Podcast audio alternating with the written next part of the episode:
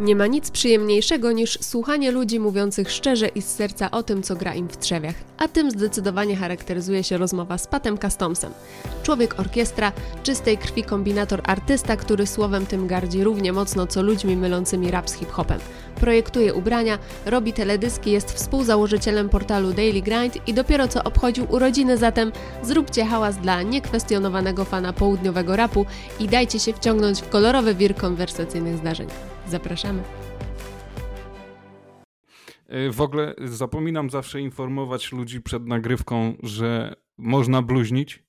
Nie, ma, okay. nie mamy z tym żadnego problemu i często słyszę w trakcie rozmowy, że ktoś by chciał rzucić mięsem i, i się powstrzymuje, a mi już tak głupio jest powiedzieć, że a, śmiało i tak okay, dalej, więc okay. mówię to znaczy, od razu. W moim przypadku jest tak, że lubię, ale czasem jak się słucham później, to myślę sobie, że jednak jestem trochę prostakiem i chyba nie chcę tak bardzo.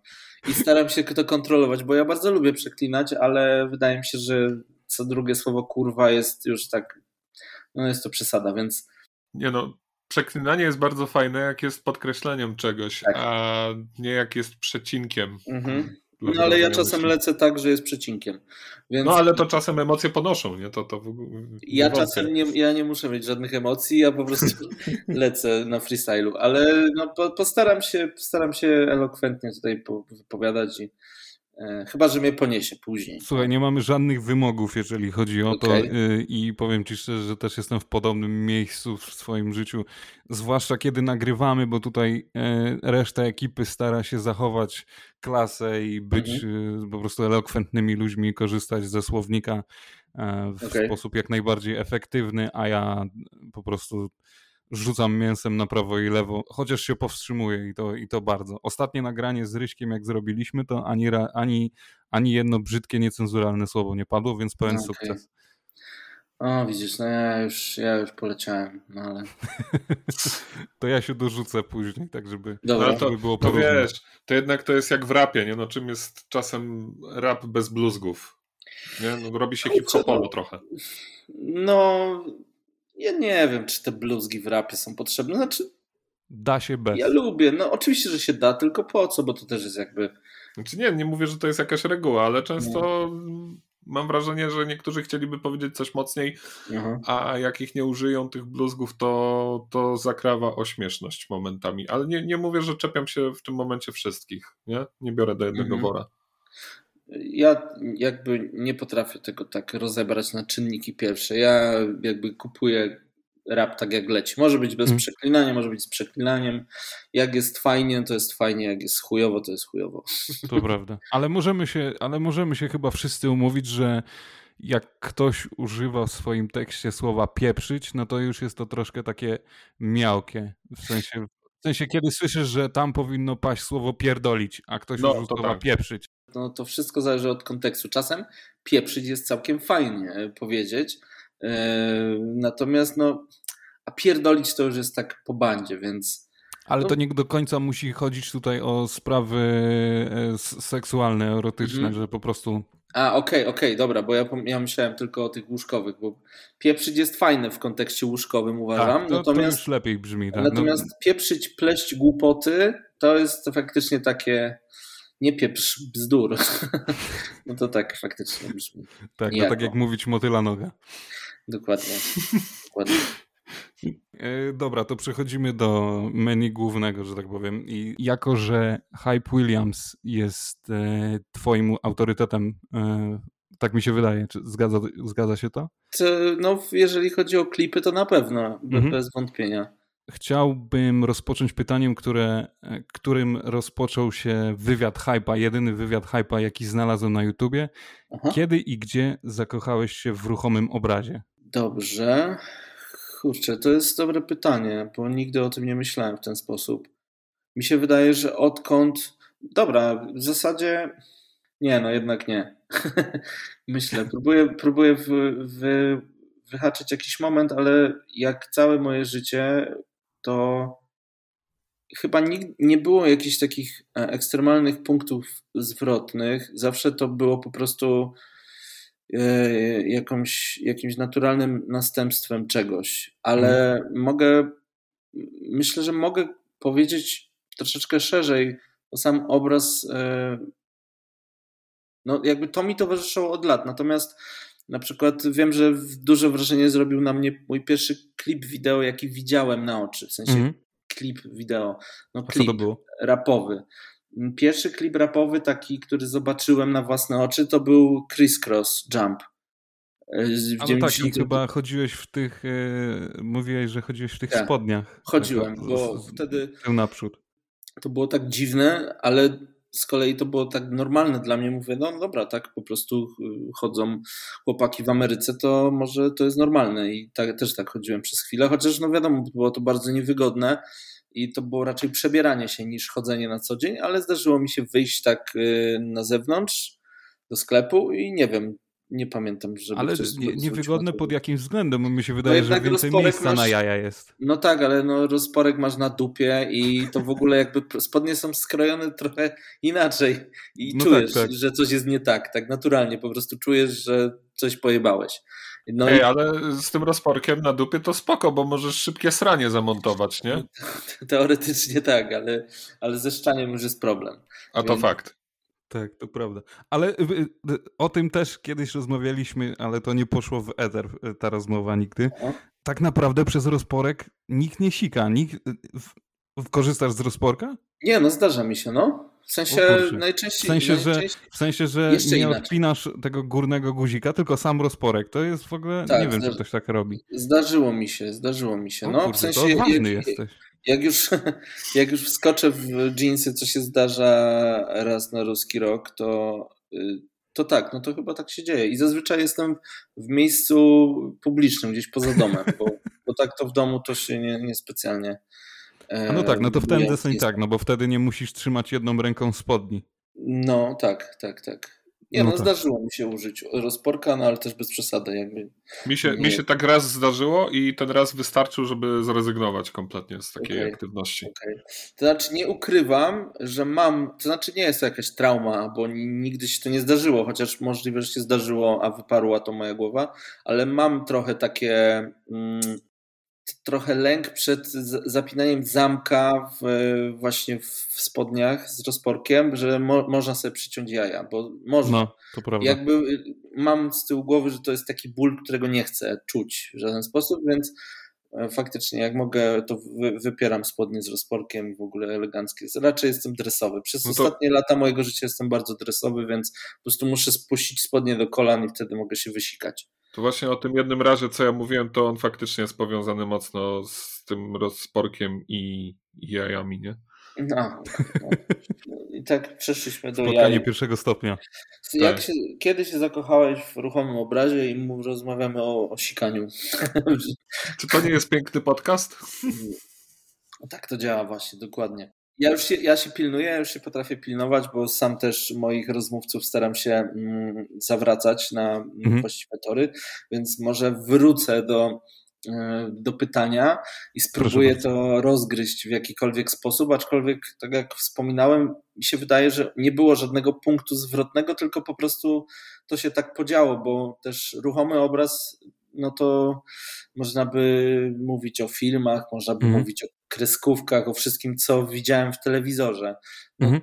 Tak, nie ukrywam, że zawsze byłem wrażliwy na takie, e, na, na, na te wszystkie mm, ruchome obrazki, jakie docierały do, do nas w Polsce w latach 90., bo no, też no, pamiętam, że, że wideo to było coś wielkiego. W sensie, tak, mieliśmy telewizor w rodzinie oczywiście, ale pamiętam, że jak y, tata kiedyś przywiózł wideo, nie wiem skąd, to ja byłem podekscytowany, ale nie wiedziałem na przykład, jak ja mam coś zobaczyć na tym, bo ja byłem przekonany, że wideo to jest, y, tam jest wyświetlacz i ja w tym wideo będę coś oglądał a no to było małe i płaskie i ja mówię, no fajnie, ale to jakby będzie mało, nie? A telewizor taki duży. No się okazało, że to działa inaczej i tak dalej, i tak dalej. Ale trochę zmierzam do brzegu, bo przez dzięki temu wideo u mnie się właśnie rozpoczęła trochę klipowa fascynacja i muzyczna fascynacja na pewno e, rapem, ponieważ e, mój tata mm, miał kolegę, który jako jeden z niewielu, bo wtedy to była naprawdę ogromna rzadkość, e, ten jego kolega miał antenę satelitarną. Mhm. I dzięki antenie satelitarnej odbierał naprawdę kosmiczne stacje, e, a kosmiczne stacje mówię tu o amerykańskim, prawdziwym amerykańskim MTV, które okay. no, 30 lat temu naprawdę wyglądało zgoła inaczej niż teraz. Mm. Chociaż nie, nawet, nawet nie wiem, czy teraz MTV w ogóle bangla, tak szczerze i nawet mnie to nie obchodzi. Ale wtedy była to faktycznie, tak jak sama nazwa mówi, to była muzyczna telewizja i tam leciała sama muzyka i leciały klipy. I pamiętam, że on na przykład zawoził temu koledze taką taśmę 240 minut, czyli e, nie wiem, no to było 4 godziny i, i tam było mielone, po prostu on zostawiał na noc włączone nagrywanie i nagrywały się klipy. Później ta kasta do nas wracała, a mój tata, że też bardzo lubił słuchać muzyki, no to sobie włączał, no i leciały nam te amerykańskie klipy w domu. Mhm. I pamiętam, że na jednej z kaset właśnie trafiliśmy Chris Cross i no na mnie to zrobiło duże wrażenie. Później trafiliśmy jeszcze jeden klip e, Lunis, I Got Five On It, który był już normalnym klipem, w sensie takim, że e, czarnoskórzy młodzi mężczyźni grają w bilard, mają fajne dresowe hmm. ciuchy i są tam jakieś brzydkie laski i oni się tak, oni świetnie się ruszają i muzyka jest zajebista, bo akurat co by nie mówić, ale I Got Five On It jest dalej nieśmiertelnym numerem, który buja, więc to też zrobiło na mnie wrażenie i później jakoś tak poszło z tym całym rapem. To, by, to był u mnie punkt zapalny, jeżeli chodzi mm. o muzykę. Ja muszę powiedzieć w ogóle, że ten numer Luniza właśnie jak Get Five mm. on It, to u mnie w radio cały czas leci, nie? W mhm. sensie w radiu, w którym ja pracuję i, okay. i, odzywam się do ludzi, więc no jest coś w tym, co mówisz. W ogóle a propos tych klipów mhm. e, hip-hopowych, ja jestem generalnie bardziej rock'n'rollowcem w swoim życiu. Lubię oczywiście rap, lubię hip-hop, mhm. ale pamiętam właśnie, że oni zawsze fajnie machali łapami, nie? To, to, to tak jak później... Tak Kiedyś jak to później... było charakterystyczne bardzo i, mhm. i chciało się, znaczy jeżeli, to, jeżeli leciała muzyka, to się tak ciało trochę ruszało samoistnie, więc, tak. więc faktycznie było, było w tym coś niesamowitego. Ale i lecąc dalej, to oprócz tych klipów, które mnie zafascynowało jako ośmiolatka, no to później wszystko, co, co w telewizji dostawałem, czyli jakieś kreskówki, y, mniej, mniej fajne i fajne, jakieś takie pierwsze filmy. No powiedzmy, że chyba filmy mnie najmniej wciągnęły na samym początku już. Jakby ja w ogóle mam bardzo plastyczną głowę, bo też e, od dziecka rysuję i, mhm. I mnie to zawsze kręciło, jak widziałem rysunki, no to starałem się to gdzieś przerysowywać, ale no powiedzmy, że zawsze u mnie to wideo gdzieś z tyłu było, za mną. I zawsze się jarałem. Gdzieś może nie było równolegle z muzyką, ale, ale zawsze mnie ciekawiło, nie wiem, fajnie zrobiony film, czy, czy fajnie zrobiona kreskówka, no jakby to było ważne. Ale nie była to jakaś taka miłość na zabój i, i, i jedna jedyna i nigdy nie sądziłem, że będę, będę kiedykolwiek coś robił w, w tym temacie, tak szczerze A to nie przypadkiem Hype Williams robił teledysk do e, Jump, Chris Crossa? Y, nie, nie wydaje mi się, że to był nie? Hype nie? Williams, nie, mi się, ale... Mi się wydaje, że właśnie, że, że chyba tak i że okay. E, myślałem, że to jest jakoś Byłoby połączone z, z tym twoim... Ale jak, jak już o tym wspomnieliście, to ja szybciutko muszę to zweryfikować, bo to byłoby aż dziwne. Właśnie tak sobie Natomiast... pomyślałem, że może ta twoja sympatia do Hype'a Williamsa jest połączona z tym, że właśnie ten teledysk Chris Crossów, ta piosenka że to wszystko naraz się wydarzyło. Nie, zupełnie nie. W sensie ja jakby to były też takie czasy. Nie, no nie robił, nie robił Chris Cross, bo Chris Cross było w 92, a tutaj on zaczął w 91 klipy kręcić i okay. 9.1, 9.2 to on zrobił 5 klipów. Okay. E, więc, więc absolutnie nie, a już się zdziwiłem.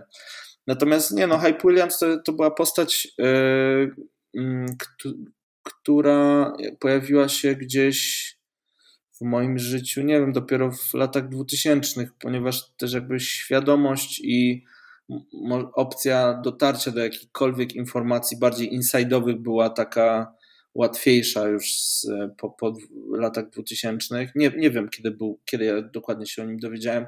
Na pewno w niektórych klipach, y, gdzie, gdzie ta czołówka była bardzo charakterystyczna, jego imię i nazwisko się pojawiało, no to na pewno wzrokowo to zarejestrowałem, natomiast chyba nie, nie wiedziałem do końca, kim jest i co robi. Pewnie, pewnie nie wiem. Możliwe, że w jakimś source czytałem wywiad, albo gdzieś tam później, kiedy, kiedy internet zaczął bardziej banglać, no to doszło do mnie, że był, był to koleś, który zrobił bardzo dużo bardzo dobrych klipów i jak e, zrobiłem research tak naprawdę tego, e, znaczy no jest, jest po prostu na Wikipedii e, cała wideografia Hype'a mhm. Williamsa, no to, no to klipy, przy których on pracował, no to, to, to są te absolutnie kultowe. No nie, nie było lepszego reżysera, uważam. Było kilku takich, którzy zrobili bardzo dużo dobrych klipów, ale nikt nie miał takiego dorobku, nikt nie ma do tej pory takiego dorobku, jak on ma. Mhm. E, I, I, uważam, że jakby w pewnym okresie był, był e, absolutnie mistrzowski, natomiast no teraz się już skończył, dawno, dawno temu już się skończył i nic, nic się ciekawego nie wydarzyło, nic na co można zwrócić uwagę. No ale koniec końców, jak już ustaliliśmy, chyba czerpiesz z jego twórczości garściami, no bo e, no, pierwsza rzecz to oczywiście kolory i kontrasty, których no, ty używasz dużo w swoich e, teledyskach, chociażby ten najnowszy z dwoma słowami. Mhm. A to tak przypadkowo totalnie, wiecie, to jakby ja, ja to znaczy przypadkowo, nie, nigdy nie miałem takiej sytuacji, żeby się czymś tak mocno zainspirować od Hype'a Williamsa w naszych klipach, ze względu też na to, że on ten swoje najlepsze klipy robił za ogromne pieniądze mhm. i z ogromnym rozmachem, dlatego też jest bogaty i dlatego też klipy w Stanach były tak ważne, bo nie robiło się ich 20 w ciągu roku, w sensie jeden artysta nie miał 20 klipów, czy tam nawet 5, artysta wydawał płytę raz na 2-3 lata i miał trzy naprawdę dobre single, z czego, nie wiem, dwa naprawdę zajebiste klipy. Mhm. I w te klipy pompowano ogromne pieniądze i te klipy dlatego też robiły wrażenie, bo, bo wiadomo, że odbiór był y, powiedzmy ogólnoświatowy, a y, no, nie ma za bardzo podjazdu. No, jeżeli chodzi o Polskę, to też, tak jak mówię, Hype się skończył już jakiś czas temu i jakby odtwarzanie rzeczy, które tych jego najlepszych produkcji, które miały miejsce w latach 2000, no trochę jest już y, no trochę trochę passe, jakby jest duży w Ether w, na YouTubie pojawiają się takie, te, na polskim YouTubie pojawiają się teledyski z rozmachem i na przykład ten nowy Sokół, Płaczemy 50 stół, to nie wyrobiliście czasem? Tak, tak, tak, my. No Ale właśnie. tutaj jakby no zero inspiracji hype, hype'em Williamsem i w ogóle zero inspiracji czymkolwiek tak naprawdę. No ale wiesz, to jest, to jest taki... jednak y, na bogato y, ten teledysk. Jest, powiedzmy, że no to był chyba, to, to jest klip mm, z największą ilością dni zdjęciowych, na, które my poświęciliśmy na nakręcenie, bo faktycznie no nie wszystko było z, z Wojtkiem, mhm. bo nie był potrzebny na, na, na, każdy dzień zdjęciowy, no ale wszystko, co w tym klipie jest nagrane, tam nie ma ujęcia, które jest stokowe. To wszystko, co tam jest zrealizowane, no to, no to musieliśmy tam być, musieliśmy to ustawić i nawet jeżeli pies szczeka przez ułamek sekundy, no to musieliśmy godzinę spędzić z tymi psami, żeby one szczekały.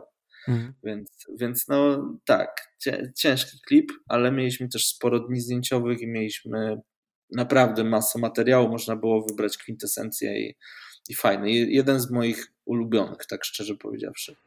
No niby całkiem oczywista wspólna cecha, no i pewnie powiesz, że to niespecjalnie i oczywiście ja tobie wierzę, ale e, w waszej twórczości jest bardzo widoczna praca nad światłem.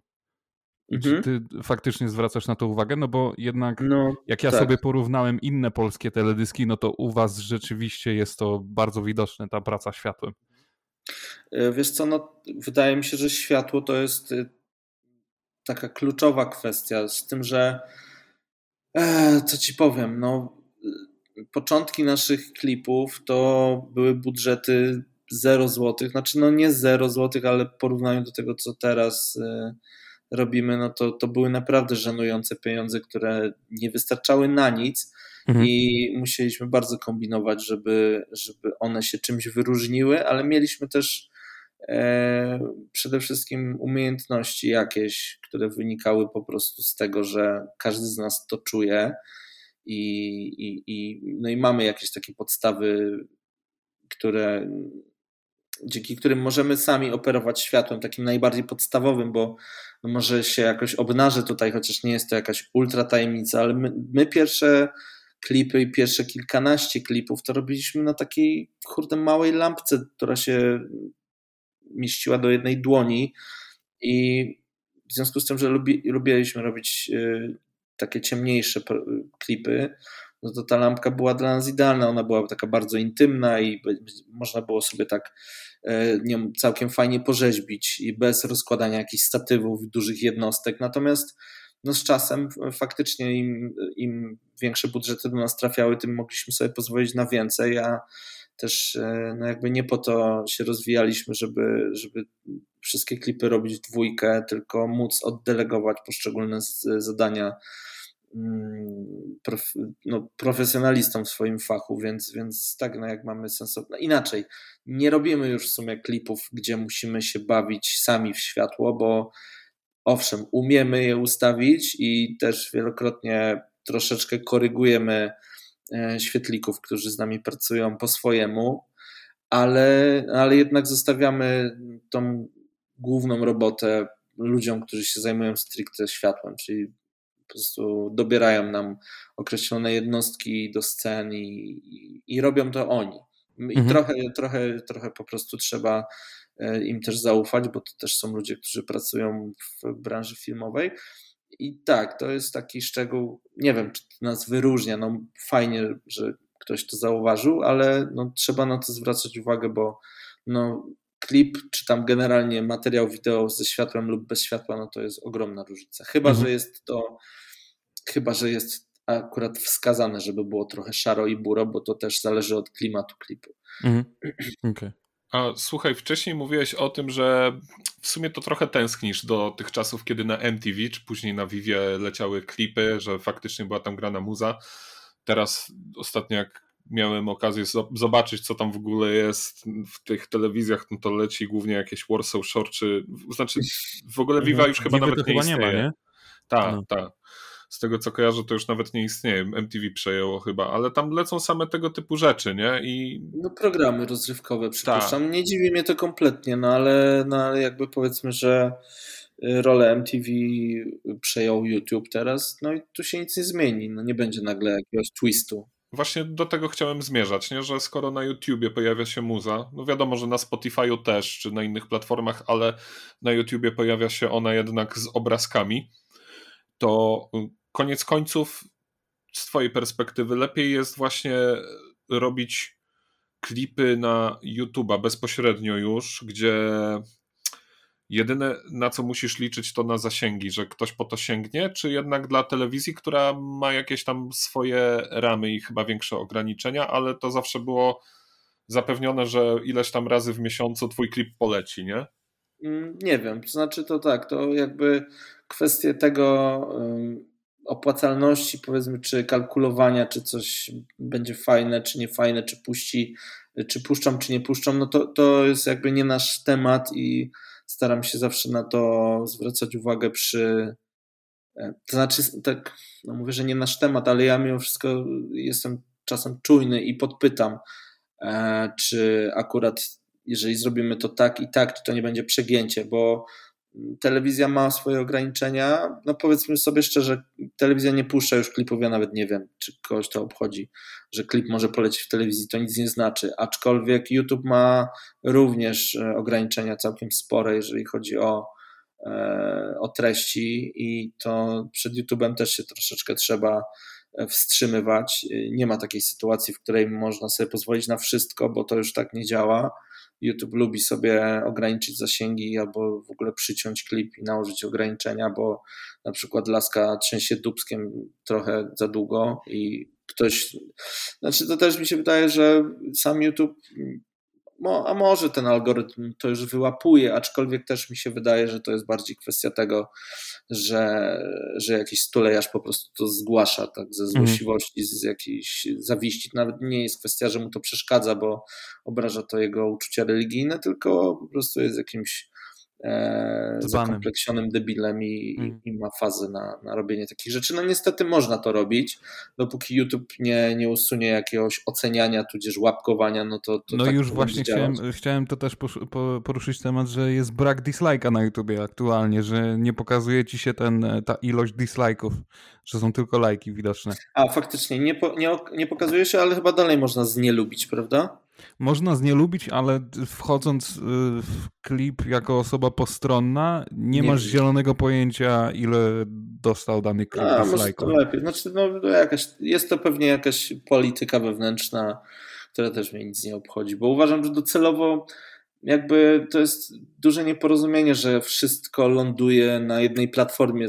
To znaczy, ciężko tego uniknąć, ponieważ YouTube jest najbardziej nośną platformą dla tego typu treści i też e, wszyscy się przyzwyczaili, że najnowsze produkcje wideo od tego, tego, tego, tego i tego znajdziemy na YouTubie właśnie. Mhm. Więc no, na razie jest to jedyne docelowe miejsce na, na takie rzeczy. Natomiast y, to wszystko rozwija się tak szybko i tak prężnie, że wydaje mi się, że do pięciu lat powstanie coś zupełnie nowego, gdzie artyści będą e, wrzucać swoje klipy bez ograniczeń, e, bo Wiesz uważam, że to wydaje bardzo mi się, zajeżdża sztukę. Spotify dąży do tego, no bo już podcasty Spotify można wideo oglądać, wiem. słuchać. Tak, tak.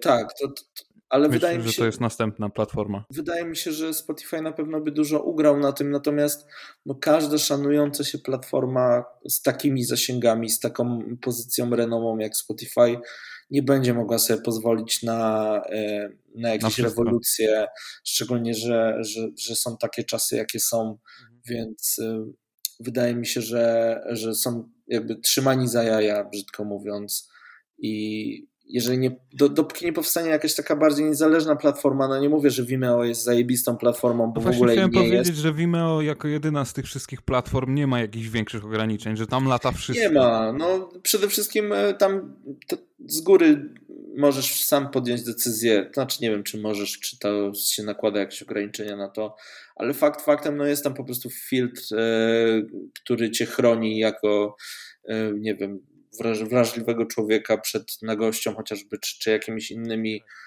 e, sytuacjami, których nie masz ochoty akurat oglądać, możesz sobie to włączyć i wtedy nawet ci nie wyszukuje e, takich e, filmów, znaczy wyszukuje ci i nie bierze pod uwagę e, propozycje a dobra, zam, zamuliłem teraz, zamieszałem się. Natomiast no tak, no Vimeo jest po prostu platformą dla twórców stricte, ale jest totalnie mało intuicyjny i jakby no nie służy do takiego, do takiej sieczki jak YouTube. Tak, to Więc prawda. To, to jakby Vimeo, mimo tego, że jest bardzo długo na rynku, to nigdy nie przejmie pałeczki po YouTubie. Myślę, że musi powstać coś nowego i rewolucyjnego pod każdym względem tak mhm. naprawdę. Mhm. Jeżeli chodzi o, o intuicyjność, o, o, to, żeby to było, żeby to po prostu było wygodne. Żeby to był YouTube, prak, pra, praktycznie YouTube, natomiast no, wygodny. Wygodny YouTube dla artystów. Moim zdaniem to to zmieni się koniec końców coś takiego w kolejnego YouTube'a, bo wiadomo, YouTube też był alternatywą dla jakichś tam innych rzeczy, które wcześniej się pojawiły w internecie, czy w ogóle dla tradycyjnych e, telewizji, jak się później okazało. No ale coraz więcej reklam, coraz więcej jakichś tam właśnie takich no, e, cięć, nie? No to wiadomo, to chyba, że, chyba, że, tak chyba, że weźmie się za to ktoś, kto jest sam sobie e, niezależnym wizjonerem i, hmm. i jakimś e, miliarderem typu, typu Elon Musk. No właśnie chciałem powiedzieć, jest kurwa Elon fazy. Musk, kiedy go potrzeba. No, myślę, że nie byłoby, znaczy wiecie, bo to nie chodzi o to, żeby żeby robić tutaj cyrk jakiś, natomiast uważam, że w przypadku klipów ta cenzura na YouTube jest bardzo krzywdząca, bo czasem e, no po prostu no, tak powinno być. No, to jest klip to jest jakby nierozerwalna symbioza muzyki z obrazem i no jak pasuje to zrobić tak i tak, no to no to tak, a nie cenzurować to. No nie po to ktoś kręci cycki na klipie, żeby je później cenzurować na YouTubie, bo zupełnie o to nie chodzi, bo jeżeli te cycki czy piersi, no nie wiem, może nie powinno się być cycki. Jeżeli to ma szokować, no to powinny szokować, prawda? My, my na przykład właśnie musimy się trochę pilnować z tymi treściami, bo, bo wiemy już, czego nie można kręcić, bo później będzie to poproszone o usunięcie mhm. E, w, w, montażu, więc, więc nie dokładamy sobie roboty. No i, no i mamy z tyłu głowy, że to musi być troszkę ugrzecznione. Powiemy, jak to działa. Chyba, że robisz tak jak Rammstein, ten swój głośny klip pod tytułem Pussy, gdzie de facto nakręcili pornola po prostu i to później hulało tylko na stronach porno, nie? Y, tak, no znaczy to już jest właśnie przeruchany temat. Y, premiery, no wszystko, wszystko zostaje tutaj w rodzinie. No, jakby premiery klipów na stronach porno, no myślę, że to mogło być fajne za pierwszym razem. Aczkolwiek y, Wiadomo, no, w, w, tym czasie to było pionierskie jednak, trzeba powiedzieć, Jasne, to było o ile się nie byle 2008 czy 2009 rok, nie? więc to tak. już kawał czasu temu. Znaczy wydaje mi się, że tutaj jeszcze jest taka kwestia, że to nie, nie do końca ten seks jest problematyczny w tym wszystkim, chociaż y, w większości wypadków chodzi głównie o to, o nagość. Y, natomiast no, czasem są treści, które polepione w kupę są bardzo niewygodne i, i ktoś, mhm. tam, e, ktoś tam się do tego pruje, bo Rammstein jest właśnie taką grupą, która, która się specjalizuje w takich treściach. No i ten, ale ten ostatni klip e, od nich, e, znaczy ostatni, ten ostatni zajebisty. Deutschland ci chodzi? Deutschland, tak, o Deutschland tak. chodzi. No to on jest na YouTubie i działa. To wszystko, co tam jest, działa, a tam są naprawdę pojebane rzeczy. No, zwłaszcza na przykład w dobie poprawności politycznej, jak, oni, jak oni się tam poprzebierali na przykład za więźniów e, Dokładnie, w obozie zagłady, nie? W Auschwitz dosłownie wręcz chyba nawet. Mhm. Tak, więc, więc no też mnie to dziwi, a z drugiej strony nie dziwi mnie to, bo wiem, że YouTube działa też na zasadzie partnerstwa, więc przypuszczam, że kiedy wydawcą Rammstein jest jeden z majorsów, to tam układy są troszeczkę inne i troszeczkę więcej można. Natomiast będąc totalnie jakimś niezależnym, nieznanym raperem, e, kiedy chcesz sobie coś tam e, odkręcić w klipie, no to już jest trochę gorzej. Znaczy, no łatwiej cię zdjąć mm. i nie ma za bardzo powrotu. Na, no tak, nie wszyscy są mierzeni jedną miarą. To taki prosty przykład, to ja jakieś tam głupoty swoje wypisuję na Instagramie i na przykład wstawiłem zdjęcie okładki książki 120 dni Sodomy, gdzie jest po prostu kobiecy tyłek i nic więcej i Instagram mi to usunął w przeciągu 30 sekund, a przecież na, na tej platformie jest mnóstwo prawdziwych zdjęć tyłków. Tak. Gołych, totalnie gołych prawda? I, I, nikt tego nie usuwa, nikt tych kont nie blokuje. One mają bardzo dużo wyświetleń i wielkie zasięgi. Nie, nie ogarniam tego już, ale nie chcę mi się nawet walczyć z tym, bo dopóki nie wrzucam, znaczy no jeszcze się nie spotkaliśmy, ja przynajmniej się nie spotkałem z jakimś ograniczeniem w, w kwestii naszej działalności, po, powiedzmy tej y, daily grindowej, więc no Bogu dzięki. Nie myślę o tych rzeczach póki co. Mhm. No to dobrze. No to słuchaj, no to żeby nie zagłębiać się w tej myśli właśnie i zostawić ją, to chciałbym poruszyć temat starszych klipów i czy jest jakiś stary klip, no to stary, no, tam powiedzmy lata 90., połowa lat 90. do wczesnych lat 2000, e, czy jest jakiś stary klip, który nie zestarzał się źle, a właściwie to się dobrze zestarzał, no i twoim zdaniem jest po prostu zajebisty? Albo ja jeszcze dopytam, na przykład jest taki może jakiś klip, których sam chciałbyś osobiście albo wyreżyserować, czy tam brać udział w produkcji, ewentualnie go przerobić po swojemu, żeby był jeszcze lepszy. To znaczy takich rzeczy nie, aczkolwiek e, nigdy nie myślałem o tym, żeby fajnie by było, żeby nakręcić ten klip. E, z miłą chęcią bym nakręcił jakiś klip po swojemu, żeby był zajebisty, ale tak, mam kilka takich e, produkcji. Nie wiem, czy polecę tutaj, e, posypię się jak z rękawa, aczkolwiek dziwnie jakoś od razu mi przyszedł do głowy e, November Rain Guns N' Roses, bo uważam, że to jest jeden z lepszych klipów. Mhm. A tak jak wspomniałem wcześniej, jestem wyczulony na to, że dla mnie klip to nie jest obrazek albo nie jest to obrazek dograny do piosenki, tylko to jest integralne bardzo. I mhm. tam świetnie muzyka gra z obrazem i bardzo dobrze mi się ogląda. W ogóle klipy Guns N' Roses były zawsze fajne. E, kurczę, no to, to są lata 90. A z polskiego rapowego podwórka? To dalej jestem tego zdania, że mm, jednym z najlepszych klipów, które najlepiej e, się zestarzały i dalej fajnie.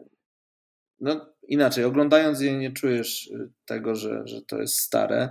No to WWO chyba. Tak, y, sen. chciałem powiedzieć, że WWO Sen nadal na mnie robi duże wrażenie. Tak, to, ale, ale to też jest, to też jakby tutaj widać, że zaangażowanie od strony produkcyjnej było e, na zdecydowanie wyższym poziomie niż, niż inne mm. rzeczy, które były wtedy E, robione, bo widać, że tam była kasa. To chyba był jeden z pierwszych też klipów, nie wiem, musiałbym Wojtka zapytać, a, a planuję go e, porozmawiać z nim w ogóle o klipach. Tam chyba była pierwsza współpraca taka z wtedy Kuba... z, z Heją.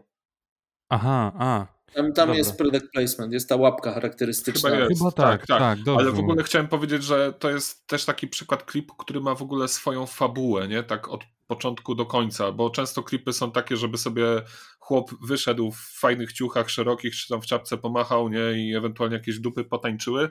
A tam, mhm. kurczę, no, czułeś, że bierzesz udział w historii. Poza tym, oczywiście, jak zwykle, mistrzowska narracja Wojtka Sokoła, nie? Jestem niemalże pewien, że, że on robił, jakby współtworzył ten klip, bo to jest jednak jedna z niewielu postaci na scenie rapowej, która oprócz tego, że no świetnie robi muzykę, to ma też y, wyczucie y, smaku i nie wiem, czy się mówi wyczucie smaku. No ma to w genach po prostu, nie ukrywajmy też. No nie? generalnie Kuma to bardzo jest, mm. y, ta, ta, ta opcja wideo w, u niego jest naprawdę, no jest świadomy przede wszystkim, e, więc, więc też e, no widać, że, że przyłożył do tego mhm. E, łapki swojej.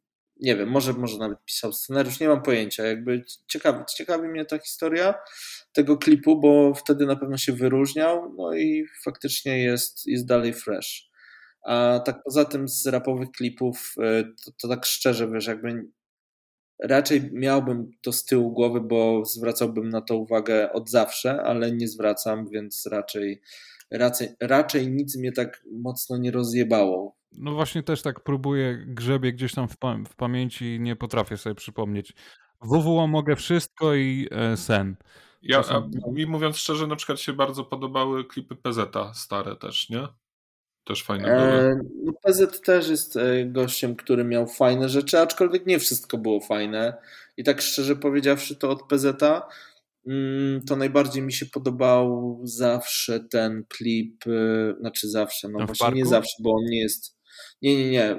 Fajne, akurat to tam światełko było bardzo fajne, mhm. aczkolwiek najfajniejszym klipem PZ jest slang. E, nie wiem, czy kojarzycie, ale Ten tam też... dwójka? Bo do pierwszego mm. slangu nie było e, wideo. Może dwójka. Ten czarno-biały.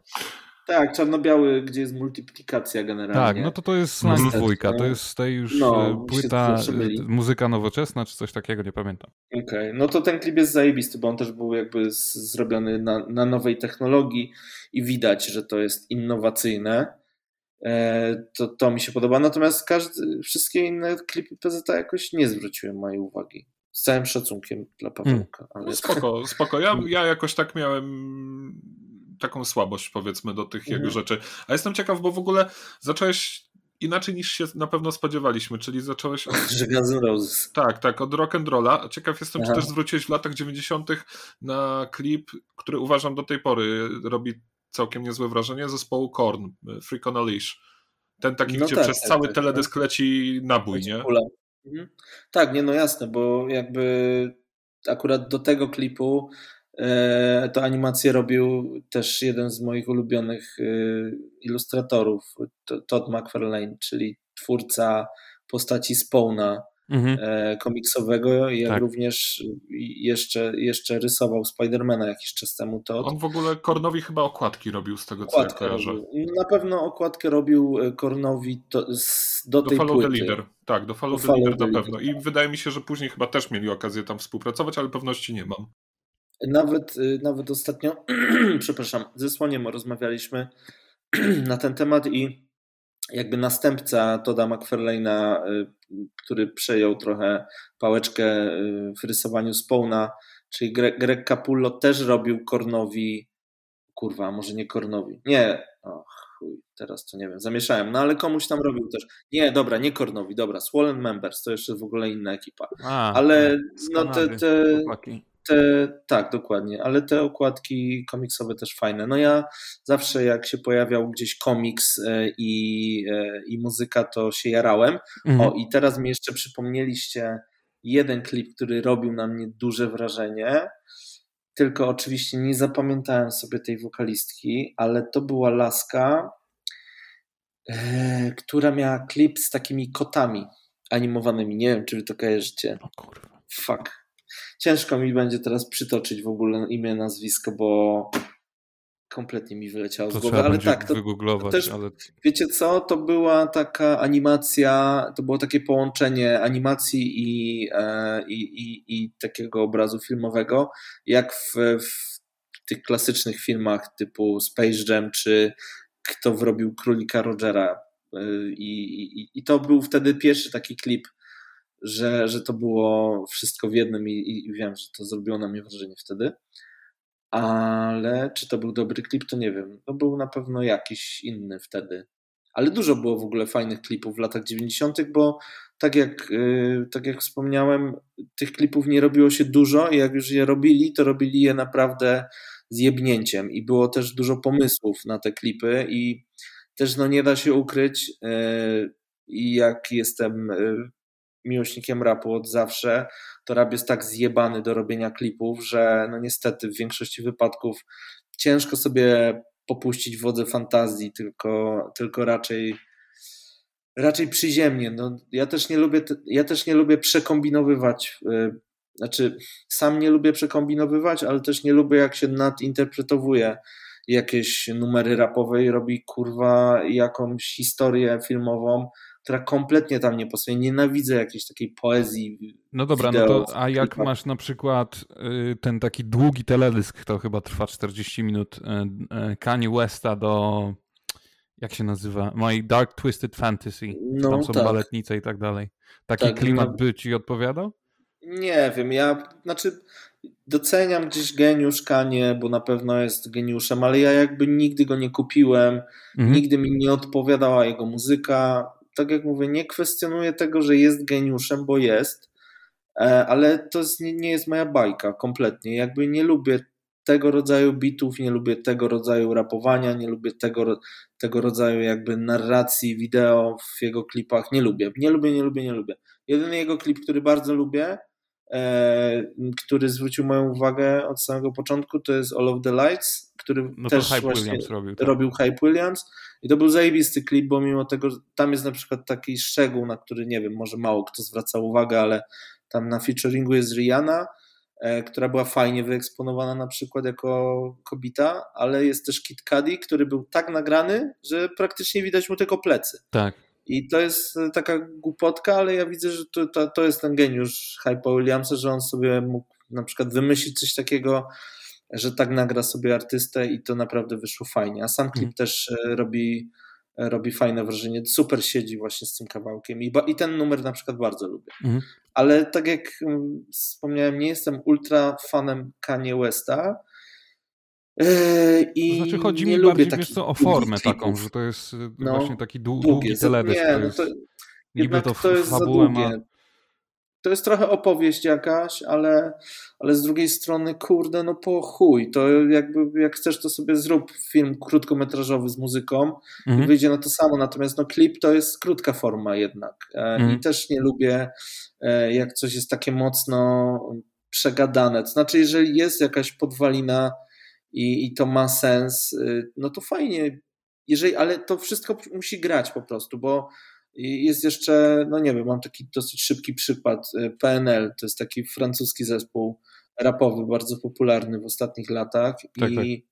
oni też mieli takie, taki wstęp, powiedzmy, do swojej płyty, gdzie te klipy, mieli dwa takie klipy, które były bardzo długą historią i każdy z nich, nie pamiętam ile trwał, ale z 20 minut no i nie idzie tego prze, przeboleć po prostu, no nie da się tego oglądać. To jest mhm. nudne, to nie jest ani na poziomie dobrego filmu, ani nie jest na poziomie dobrego klipu. No jakby nie pykło im to kompletnie, chociaż muzykę robią niesamowitą, ale na przykład ich muzyka mnie kupiła też, nie ukrywam, klipami, bo bardzo często dla kogoś, kto nie rozumie tekstu, a ja niestety z francuskim rapem nie jestem za pan brat, więc dla mnie dużym jakby dopowiedzeniem ich e, postaci był, był, był wizerunek, ich wizerunek w klipach.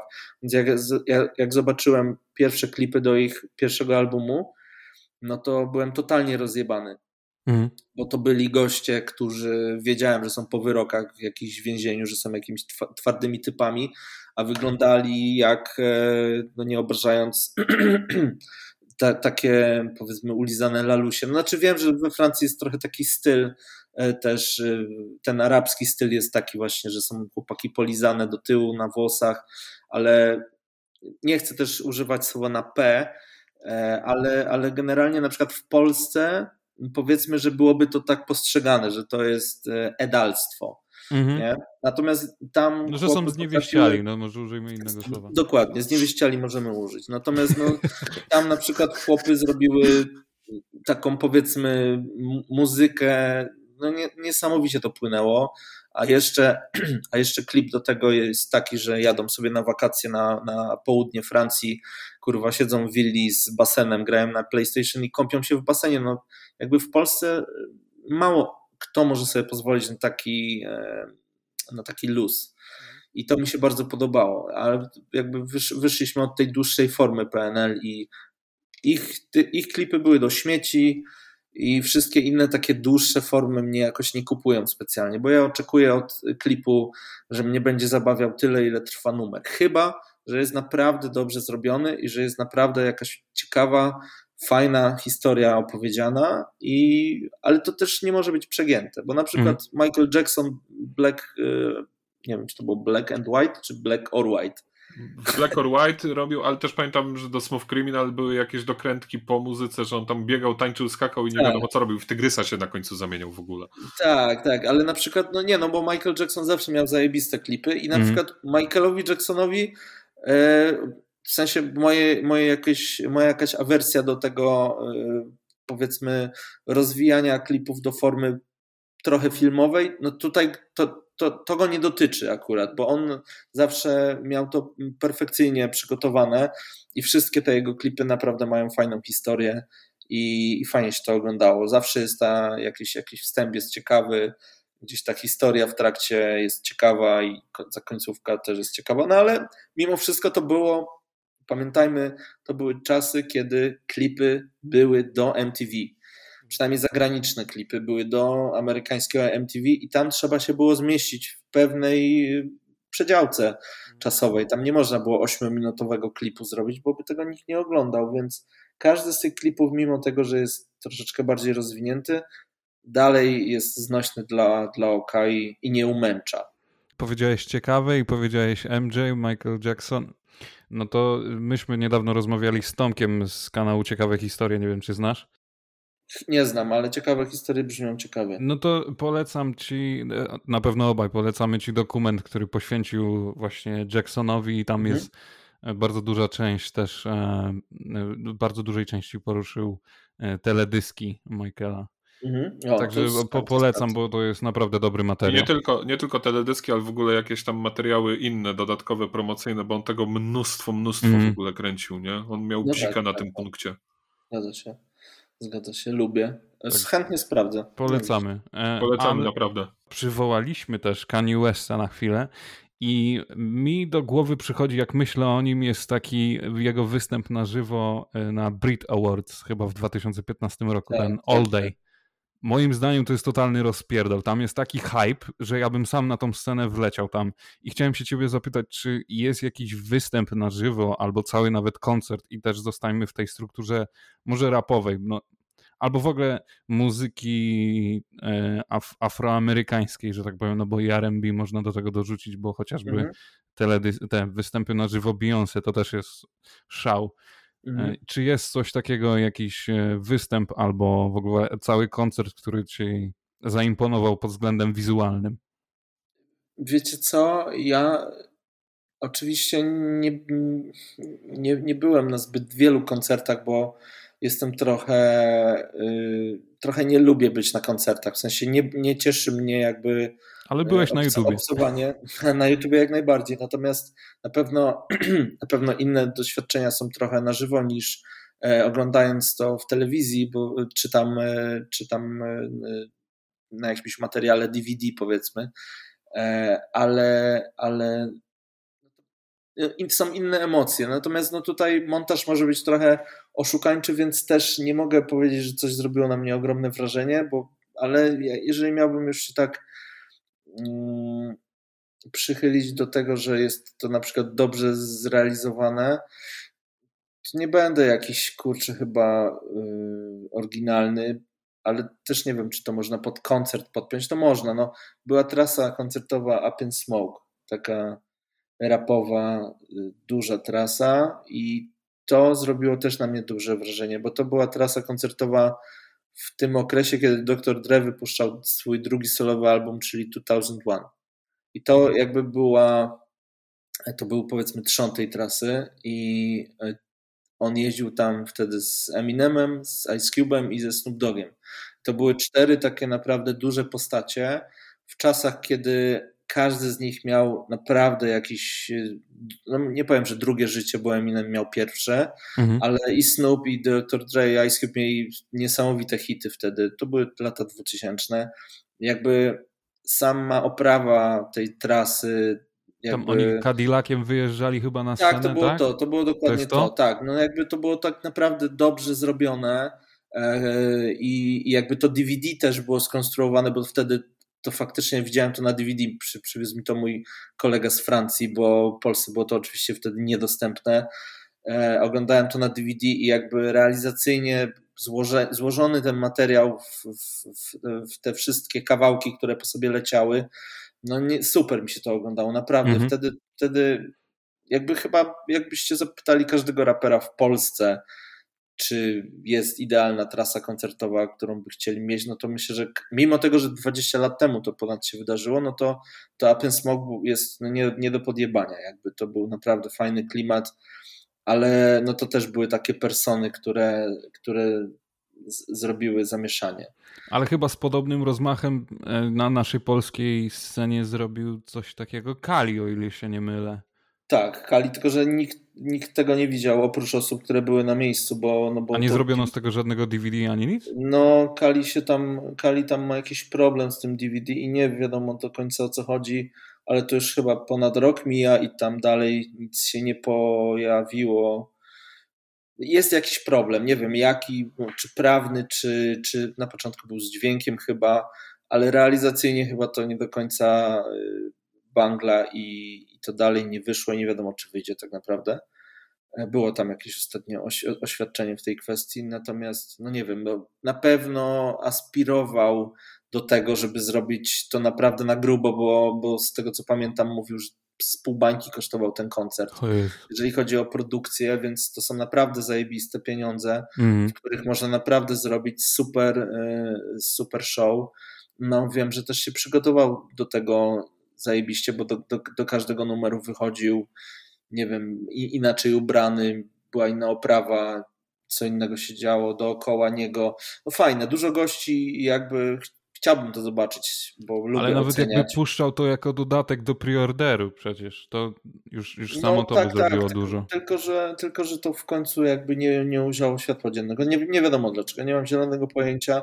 Szkoda, bo jakby na pewno by to ucieszyło, gdyby się okazało, że to zajebiście wygląda, bo, bo tak jak mówię, w Polsce to jest jednak dalej średniowiecze i mm. dalej uważam, że polska, polscy raperzy nie mieli naprawdę kurwa fajnego koncertu. Nie widziałem, nie widziałem na żywo, czy nawet nie słyszałem, czy nie zobaczyłem później na YouTubie fajnego polskiego rapowego koncertu. A TD, jest... a TD ostatnio? Na przykład no, Katowice słynne? Byłem, to znaczy wiecie, byłem tam, byłem tam e, ciałem i duchem i bardzo hmm. się cieszyłem na, na, na, na to wydarzenie, bo jakby mam sentyment do, do tego albumu i y, Jacek też zawsze jest fajny ziomek, więc wiedziałem, że może być ciekawie. I jakby wiecie, sam koncert sobie naprawdę, naprawdę był fajny i był przeżyciem jakimś i, e, i to wszystko było spoko polepione, ale to też nie miało takiego pierdolnięcia, jak, na jakie mogłoby zasługiwać, ale mhm. jakby tutaj absolutnie nie można E, na przykład mieć pretensji do kogoś, bo wydaje mi się też, że są takie kurwa pojebane czasy, że jak rozmawiałem jeszcze z menadżerem e, Jacka tydzień wcześniej czy dwa tygodnie wcześniej, pytając tam, nie wiem, kiedy kurwa warto przyjechać, o jakiej godzinie, bla, bla, bla. I pytałem, a nie wiem, kurwa, nie odwołają wam tego, bo tutaj nagle zaczęły rosnąć, y, wiecie, zachorowania. No i mhm. nie dziwię się, że na przykład ktoś w dzisiejszych czasach nie inwestuje pojebanych pieniędzy w produkcję koncertów, bo one mogą się okazać klapą, bo z dnia na dzień może wejść ograniczenie i, no i takie show się nie odbędzie i to są po prostu utopione pieniądze, których się nie da odzyskać. Mhm. Więc nie dziwi mnie to, że sport nie był rozpierdalający pod kątem show, ale był super. No tak, ale... pojechał na sentymencie, tak? I to tak, dość y, mocno i, to w, nie wcale nie w negatywny sposób. Ale na miarę, nie, na miarę nie, możliwości jak najbardziej chyba super, nie? To wyszło to wszystko. Znaczy, nie no super wyszło. Ja na przykład jestem naprawdę yy, no powiem wam, że rzadko mi się zdarza yy, stać na koncercie i oglądać go całego wśród ludzi, bo rzadko mi się to zdarza.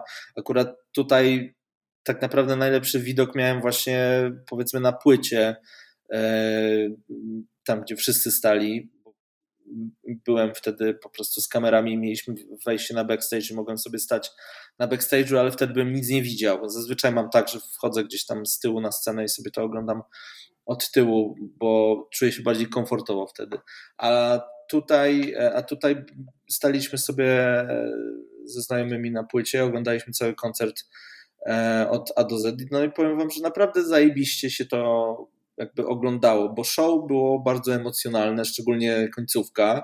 E, no i jakby jeżeli chodzi o tą energię, no to myślę, że naprawdę to była topka e, koncertów, które widziałem. Natomiast, no tak jak mówię, produkcyjnie, realizacyjnie, wizualnie, kurwa, no dalej jesteśmy w ciężkiej dupie. Jacka koncert był zajebisty, ale dalej uważam, że takie wydarzenie jak dwudziestolecie sportu mogłoby zasługiwać na dużo większe jebnięcie, ale hmm też, tak jak wspomniałem, nie dziwi mnie kompletnie mm, pewna kalkulacja, ostrożność e, w liczeniu pieniędzy przeznaczonych na takie, na takie przedsięwzięcia w dobie tego, co się teraz dzieje, bo nie wiadomo, co się wydarzy. W sensie troszeczkę no tak. łatwiejsze. Z tego, co już widzę, to jeżeli nie będzie jakiejś rewolucji, no to ten okres wiosenno-letni jest totalnie na wyjebie, na kurwa wirus znika i wszystkie koncerty się odbywają normalnie, natomiast tutaj bliżej zima, jesień, no to już jest tak, że się macamy, chociaż na razie się ale nic nie wydarzyło. Zauważ, że jakby nie było, ten okres jesienny jest najbardziej aktywnym okresem pod względem e, muzycznym, że najwięcej albumów wychodzi. To, no... Znaczy, no, tak się często dzieje i ja nie wiem, czy to jest kwestia kalkulacji. Wydaje mi się, że trochę tak.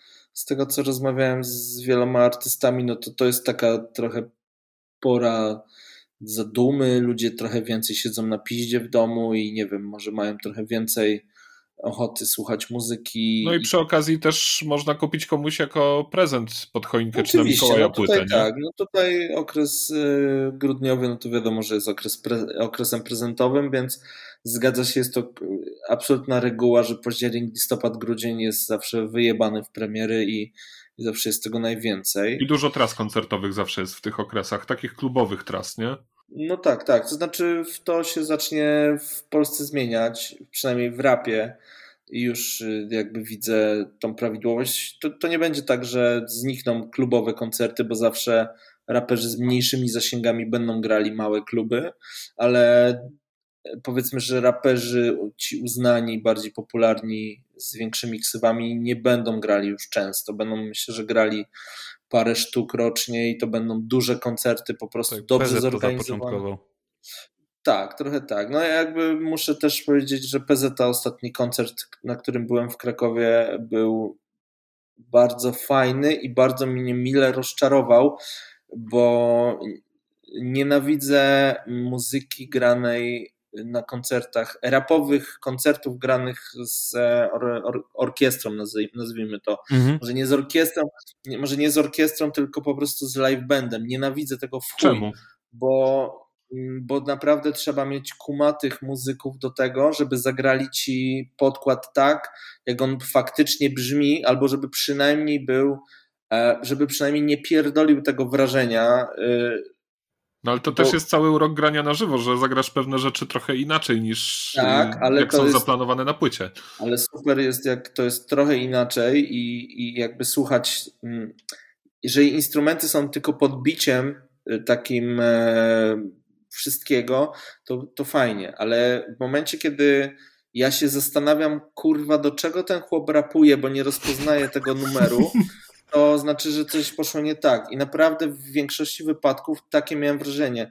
Jakby takie zabiegi mnie kurwa nie bawią kompletnie. Uważam, że mhm. nie wiem, ktoś chce, chce grać y, na mm, instrumentach, to nie chce gra na instrumentach, ale jakby nie jestem fanem łączenia tego i nigdy to dobrze nie wychodziło. Jak ja osobiście tak uważam, bo, bo naprawdę słyszałem parę sztuk na żywo właśnie z instrumentami i było, było to po prostu męczące dla mnie, bo nie Chyba, wiem... że kompozycja faktycznie jest robiona pod względem instrumentalnym już wcześniej w studiu, nie? Że... Z jednej strony... Znaczy ja na przykład y, byłem na żywo tylko na jednym koncercie, gdzie, była, gdzie był live band, to był Łona i Weber na kempie i to mhm. było naprawdę dobre. Uważam, że to był jeden z, z lepszych Wiecie co, ale oni też kempie. grają, ale oni też grają taką muzykę, znaczy nie mówię, że każdy z ich podkładów jest taki prosty, że jest prostszy do zagrania, bo to też chodzi chyba o te dźwięki. Czasem, mhm. jest, y, czasem jest ciężko oddać instrumentalnie dźwięk y, z numeru, który jest syntetyczny po prostu no. z założenia. Więc, y, więc jak ja sobie pomyślałem, że Paweł ma napierdalać numery swoje, kurwa, które mocno syntetyczne bywały i ma, ma, mają to goście napierdalać na gitarkach i na bębnach, to sobie pomyślałem, no dobra, no to, to się będę musiał dużo piwka napić, e, żeby to jakoś przecierpieć, a okazało się, że to był tak wypierdolony kosmos, że, e, koncert w kosmos, że się naprawdę nie spodziewałem, że będę czerpał z tego jakąś przyjemność i mhm. naprawdę się miło zaskoczyłem. E, no nie spotkałem się jeszcze z takim live bandem, ale oni mieli też w kurwę prób z tego co wiem i myślę, że tam też mm, zwrócono na to uwagę, żeby to nie było granie piosenek nie tak, jak one brzmią faktycznie, bo tutaj naprawdę wiedziałem, co się dzieje, ale były takie momenty zrywu, kiedy na przykład, nie wiem, no, była gdzieś połowa kawałka i ktoś napierdalał po prostu solówkę na gitarze, albo to było na końcu. Czuć było te instrumentalne podbitki, natomiast no, to nie jebało klimatu, no, w skrócie. Ale w ogóle ja też, też muszę wrócić pamięcią do tego, że PZ, o ile pamiętam, to dosyć wcześnie zaczął te próby mhm. swoje znaczy przerabiania tych swoich utworów na, na live bandy i pamiętam jeszcze na przykład Ursynalia 2012 chyba, jak pojechałem na, na ten festiwal, mm, to on tam miał grać, ostatecznie chyba do koncertu nie doszło, ale już wtedy miał mhm. grać z live bandem, nie? Wtedy w ogóle mieli jakieś tam dubstepowe rzeczy w ogóle na żywo lecieć, to to miało jeszcze, być ciekawe. Jeszcze muszę trochę stryknąć w nos e, bliżej nieokreślonych raperów, bo bo myślę, że to jest, e, bo wielu się to tyczy, natomiast i w przypadku Tedego, i w przypadku PZ, na przykład e, ich koncerty to są kurwa tak zarapowane, że ciężko mnie zaskoczyć, ale ci goście naprawdę przerapowują cały koncert. Nie ma żadnego kurwa y, znaczy nie jest też tak, że ja cierpię, jak jest autotune na scenie, ale to nie jest też tak, że oni brzmią inaczej, że oni nie są w stanie powyciągać tych swoich dźwięków z płyt. E, jak nagrywają płytę, to, to później ciężko to odtworzyć na, na live. Mhm. Zupełnie tak nie jest I, i Paweł leci cały koncert bez, y, znaczy ma hypemana, ale naprawdę on rapuje zajebiście i zajebiście się tego słucha. Mam, mam wrażenie, że niektórzy młodsi artyści mają troszeczkę tak przekombinowane te swoje numery, mm, że oni grając koncerty później mają problem, żeby jakby zachować porządek w tym swoim repertuarze i troszkę te, te kawałki są e, inne. I no i ciężko im się odnaleźć bez, bez wsparcia jakiegoś takiego. Ale wiesz co, to chyba. E, syntetycznego. Kurczę, tak sobie myślę, takie porównanie tych młodych, młodszych raperów do tej starej szkoły, że to jest troszeczkę chyba inna etyka pracy i tak jak mówisz, że czy PZ, czy TD, czy jeszcze inni raperzy, bo kurczę, nawet e, Rysiek Peja, który mimo tego, że jest, ma słowotok i to dość duży, to też utrzymuje tempo w miarę.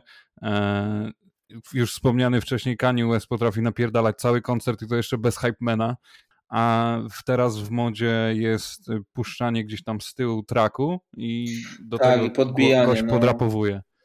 No dlatego mówię, że to słychać, nie? I ja naprawdę no, naprawdę usłyszeć, yy, że raper przelatuje cały koncert na, na, na, na swoim wokalu właśnie niepodbijanym, no to jest to dziwne, że to mnie dziwi, ale to mnie dziwi. Ale fajnie się tego słuchało i to bardzo doceniam. Ale natomiast no, ja też nie mam problemów z tym, jak ktoś e, sobie tam leci na pół playback, mam to w dupie, jakby też A widziałeś kiedykolwiek, jak, kurwa, jak on się nazywa, Designa od ten od Pandy, mhm. jak no, no, no. E, kiedykolwiek jego koncert na żywo? Nie, bo myślę, to on że robi tylko te duby i nic no, więcej. No, no. Ad, ad, ad, adliby. Adliby. No, no, przepraszam. Tak, tak, tak, tak. No jakby no, zdaję sobie sprawę z tego, jakie możliwości niektórzy mają. No, dlatego mówię, że no jednak dalej bardzo sobie cenię tą taką podstawową umiejętność kurwa rapowania, bo jednak na tym się opiera ta muzyka, że, że ktoś powinien wydawać dźwięki z siebie. E, w sensie, no nie, dźwięki, nie dźwięki właśnie, tylko że no powinien przerapować numer, a nie mm. tylko podbijać adlibami czy, czy coś tam, bo wiele tak tych numerów jest tak, jest tak złożonych.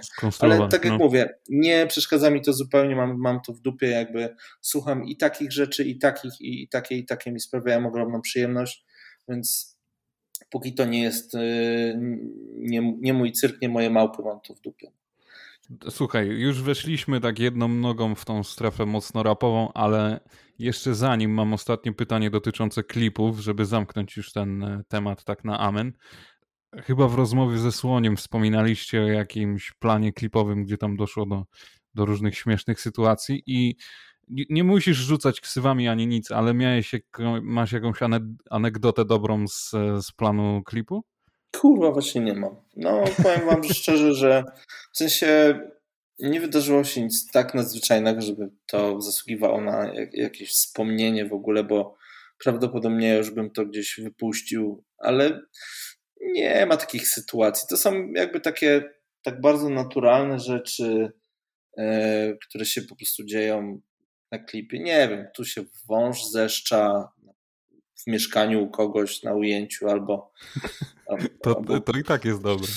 Nigdy nie widziałem, jak Nigdy ja też nie widziałem, dopóki nie zobaczyłem, jak się zes zesrał i zeszczał naraz, bo jakby on, one mają tak jak ptaki chyba, Cho chociaż mogę się mylić, bo nie jestem specjalistą, ale no jest to mieszanka gówna i sików po prostu okay. I, i to pod, podobno bardzo śmierdzi, dlatego gość, który nam przywiózł węża powiedział, żeby to absolutnie od razu zmyć z parkietu, bo się nie pozbędzie mój wspólnik, bo wtedy to było u niego w mieszkaniu, nie, nie, poz, nie pozbędzie się smrodu. Słowa no patrz będzie... tańczysz, bo życiowy parkiet bywa śliski, nabierają innego znaczenia. Dokładnie tak jest.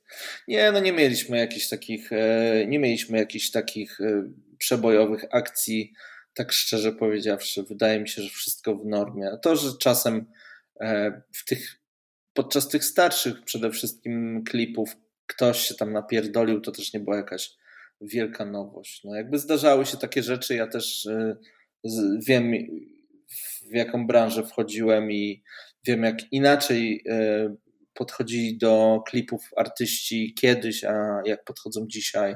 Jakby dzisiaj jest to dużo większe zaangażowanie i dużo większe podejście takie profesjonalne i starają się, żeby to wszystko dobrze pospinać w kupę, żeby się dobrze pokazać, żeby dobrze wyglądać, nie odpierdolić czegoś i no wygląda to zgoła inaczej niż kiedyś, bo kiedyś jakby klipy... To...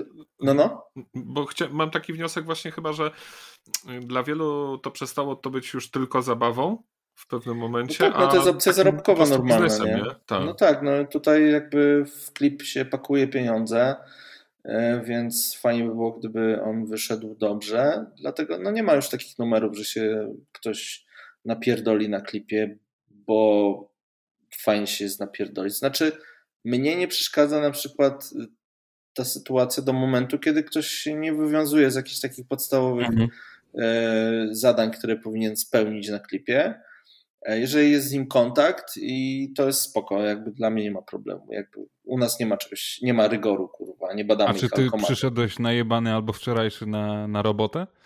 Przydarzyło nie, ci się? Ja, nie, znaczy mieliśmy ki kilka takich klipów, e, które były na tyle luźne, że można było sobie pozwolić na przykład, żeby się tam, żeby się tam napić. Natomiast ja nigdy tego nie preferowałem z jakby z tego prostego względu, że jakby nie widzę sensu, żeby się napić pół piwa, albo piwo, albo trzy piwa, bo no jednak też czuję odpowiedzialność za to, że, że będziemy pracować i mm. do momentu, kiedy jest wszystko fajnie, no to jest fajnie, ale jak się na przykład okaże, że coś zajebaliśmy przez to, że któryś z nas się napierdolił, no to już nie jest fajnie i, i mogą być uzasadnione pretensje, chociaż nigdy takiej sytuacji nie było. Natomiast tak, zdarzyło się może mojemu wspólnikowi się napierdolić yy, potwornie, a jest, co, co śmieszniejsze, jest jakby głównym operatorem a najbał okay. się do tego stopnia, że no ciężko było się na przykład porozumieć z nim, ale znam się z nim też na tyle długo, że wiem, że nawet w stanie upojenia alkoholowego jest w stanie dokończyć zdjęcia. Więc y, okay. Można mu więc to, się, więc to się stało i co śmieszniejsze, ten klip ma teraz, nie wiem, 80 milionów wyświetleń, więc jakby ciężko było też tutaj zauważyć, że ktoś był pijany, poza tym wszyscy byli pijani, bo to była taka... Bardziej, bardziej wjechał wtedy efekt shaky kamera, czy może jednak stabilizator? Nie, my nigdy nie, my nigdy nie mieliśmy stabilizatora w kamerze. Ale nie, w sensie... mi chodzi, mi chodzi no? automatycznie, wiesz, że jak on się A. tak nawalił, to, to nagle znaczy, dziwna nie, stabilizacja. To, to, w ogóle tutaj nie, nie ma żadnego znaczenia. Tu bardziej, bardziej chodziło. E, to, znaczy, to też nie jest tajemnica, który to był klip w ogóle, bo to był klip White'a do Kalifornii, chociaż nie wiem, czy nie zajebałem teraz tymi 80 milionami, ale na pewno ma bardzo dużo. Natomiast tam była taka sytuacja, że no jakby e, wymyślaliśmy mm, no była, miała być imprezka taka na plaży, powiedzmy pod koniec e, klipu. No on ma 88 milionów, no to się zgadza. Mhm. E, no miała być imprezka po prostu pod koniec klipu. Spotkaliśmy się w takim e, podkrakowskim kurorcie, powiedzmy, to jest Kryspinów, czyli tam jest duży zalew i normalnie tam jeżdżą ludzie na tym, na kurwa, no na wszystkim. Pływają, o, może tak. No i taka wioska była surfingowa, fajny klimacik, plaża pias, piaszczysta, przygotowaliśmy sobie tam scenografię i przy, na, na zjeżdżało się w chuj ludzi i, no i mieliśmy zacząć kręcić o tej i o tej godzinie. No i e, w związku z tym, że to było po zmroku, no to, no to mieliśmy podpięty sprzęt do agregatów. Boże, nie mieliśmy do agregatów właśnie, tylko mieliśmy, korzystaliśmy gdzieś tam z e, uprzejmości ludzi, którzy prowadzą e, tam taki punkt. Kurwa, jak się nazywają te, co się na deskach pływa i jest na lince, na wyciągu takim. Wind, jak, to wind, jak to się nazywa? Nie, u nas jest. Nie, nie windsurfing, tylko Kurwa, u nas w Szczecinku wakeboard, jest. Wakeboard. Wakeboard. wakeboard. No właśnie, witam. No to na wakeboardzie, tam, była, to jest, tam jest po prostu taka plaża z punktem wakeboardowym, no i tam się podpięliśmy do, do, do prądu, no i świecimy, świecimy, no i tak naprawdę w momencie, kiedy mieliśmy zacząć kręcić, bo już była odpowiednia pora i czas, a ludzie byli już odpowiednio cyknięci na tyle, żeby czuć się swobodnie, bo mieli się na tych ujęciach bawić, to wyjebało korki w całej wsi. To znaczy po prostu sprawdziliśmy, sprawdziliśmy korki wszędzie, ale jakby no, dało, dało radę zauważyć, że kurwa wszędzie jest ciemno, więc mm. widzieliśmy, że problem jest jakiś większy. No, sprawdziliśmy jakiś komunikat na stronie Taurona, no i było faktycznie napisane, że coś się stało, jest jakaś awaria i coś będą robić. Okay. No i prąd będzie na przykład za godzinę, później było, że za godzinę następną, później za godzinę, a tam kurwa wszyscy siedzą i chleją. No to trochę no jak na mówię, PKP dobra, sytuacja, nie? Trzeba działać i pojechałem, po prostu pojechaliśmy, nie wiem, o 23 jakimś rzutem na taśmę udało nam się dogadać z, z gościem, który prowadzi wypożyczalnię sprzętu i zwieźliśmy agregat, żeby włączyć lampy jakiekolwiek, no ale w momencie, kiedy ja kurwa przetaszczyłem ten agregat przez piasek, to kurwa włączyli prąd. No ale to, to była już taka sytuacja, że wszyscy byli najebani, plus właśnie mój wspólnik też był najebany, no i trochę byłem przerażony, ale udało się wszystko. No jakby tak jak mówię, no klip ma 88 milionów, milionów tak? ma, jest hitem, jest hitem i jest fajnie. No, no i co, i mówiłeś, mówiłeś, nie ma anegdot, a tu proszę, jaką sypnąłeś no z rękawa. To nie, to nie jest jakaś taka anegdota, mam wrażenie, wow. W sensie to było śmieszne wtedy faktycznie. W sensie no nie było śmieszne. Nie? No, Wiesz, mnie, nikt tutaj nie... nie wymagał od ciebie Davida Copperfielda wychodzącego komuś z ja dupy, tylko... Ja bym chciał właśnie, ja bym chciał mieć jakąś taką historię, jakby kurde, no trochę lat już to robię i jakby przy tej ilości klipów też fajnie by byłoby mieć coś takiego wow, a tu Czyli kurwa po prostu to, co powiedziałem wcześniej o tej etyce pracy wcale się nie zgadza i młodzi raperzy dzisiaj szanują się, szanują osoby, które z nimi współpracują. To zdecydowanie, to znaczy żaden, znaczy inaczej, nie żaden, ale 95% młodych polskich raperów nie wydaje się sama, ponieważ e, raczej są pod czyjąś opieką, i również są finansowani przez y, kogoś, więc no tutaj jednak muszą trochę po prostu być pokorni. I więc tutaj nie ma takiej możliwości, żeby się niegrzecznie zachowywali, chociaż no, zdarzają się takie odpały, że, że ktoś y, przyjeżdża na nasz klip, bo jest na przykład gościnnie i dziwnie się z nim współpracuje. Nie jest to też tajemnica, że Zdechły Osa jest ekscentryczną postacią dosyć mocno nie wiem, czy kojarzycie w ogóle tak, tak, tak. No. Ten, co nie, nie, robi rapu, tak? No on, on tak naprawdę te jego nowe numery są, znaczy punkowe. mi się w ogóle bardzo podobają, ale są bardzo punkowe. A jak kręciliśmy Gorzką Wodę w Warszawie dla PZ, to on mhm. był na jednym z, z featuringów. Na jednej z wersji. Jednej z wersji featuringowej. No i, no i przyjechał taki mocno pomielony i też no nie mogliśmy się porozumieć jakby do końca. Rozumiem, że to jest taki styl rock'n'rollowy, ale, ale no wtedy to było trochę dla nas niekomfortowe, bo faktycznie no ciężko było, no po prostu ciężko było się dogadać z kimś, kto jest wyszczelony, no ale zrobiliśmy to, no, zrobiliśmy to. On później miał fuck up z tego samego powodu prawdopodobnie y, na koncercie PZ premierowym, gdzie kurwa nie zarapował pół zwrotki swojej i jedyne co zrobił to rzucił się po prostu w publiczność i go okay. wyprowadzili stamtąd. Ale to chociaż coś zrobił, bo jak y, RIP najebany chyba wyszedł na koncercie Słonia, no to nic no, no kompletnie takie rzeczy, nie zrobił. No już prędzej, już, prędzej, już prędzej raperzy za nie mogą na koncercie niż, niż na klipie, bo tak jak hmm. mówię, no jeszcze na, na, koncercie jeszcze ich ktoś tam ratuje, ale, ale to też jest, no powiedzmy, to nie są już te czasy, kiedy to jest taki rock and roll, to jest jakby yy, no już, już, już bardziej uszyte profesjonalizmem, ale tak jak mówię, nigdy mi to nie przeszkadzało do momentu, kiedy ktoś nam nie rozpierdala planu zdjęciowego mm. i nie, nie dociera na przykład. Takie rzeczy nam się też nie zdarzały. E, jeżeli się coś wywracało do góry nogami, to były to albo czynniki pogodowe, albo, e, albo coś, coś naprawdę takiego, że wiedzieliśmy o tym odpowiednio wcześnie, więc nie ma. No, u, u nas nie ma jakichś takich super ciekawych historii. Myślę, że są bardzo przyziemne.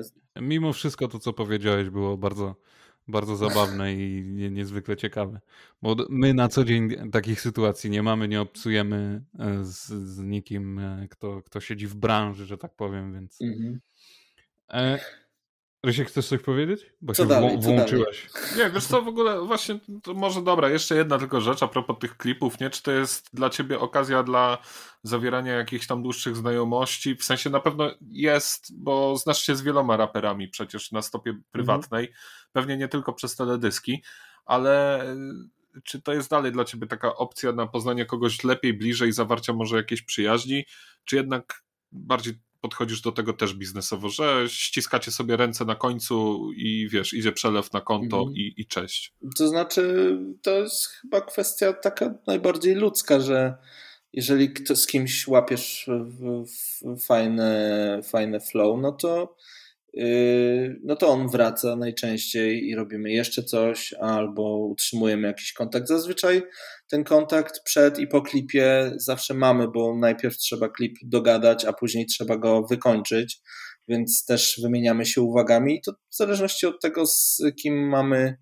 do czynienia, jakby z kim pracujemy, no to, to tak mniej więcej już wiemy, jaki jest kontakt i, i lubimy się e, albo mamy neutralne powiedzmy stosunki, które mo możliwe, że czasem też się właśnie przycinają w momencie, w którym kończymy pracować, bo to nie jest też tak, że, że każdy raper jest super przyjacielem od razu, bo myślę, że oni też, większość z nich no, ma takie podejście, że to nie jest jedyna ekipa, z którą pracują e, i, i, i oprócz tego mają świat i życie swoje. Natomiast no, fakt faktem lubimy się z wieloma artystami i wielu z nich, wielu z nich jest naszymi, myślę, że można powiedzieć, dobrymi kolegami, bo przyjaciel to jest dużo powiedziane, chociaż e, no mój wspólnik jest bardzo dobrym przyjacielem z Quebo, nie jest to jakaś też tajemnica wielka, ponieważ no oni zaliczyli razem tą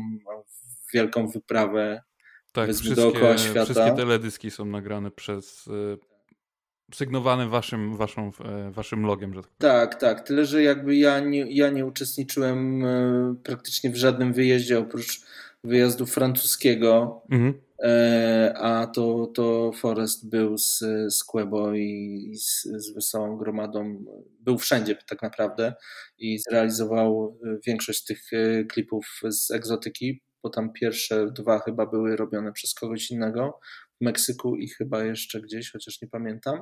No ale to jakby tak, y, oni się, oni się bardzo zżyli, jakby dzisiaj y, to jest, y, myślę, że można to śmiało nazwać przyjaźnią.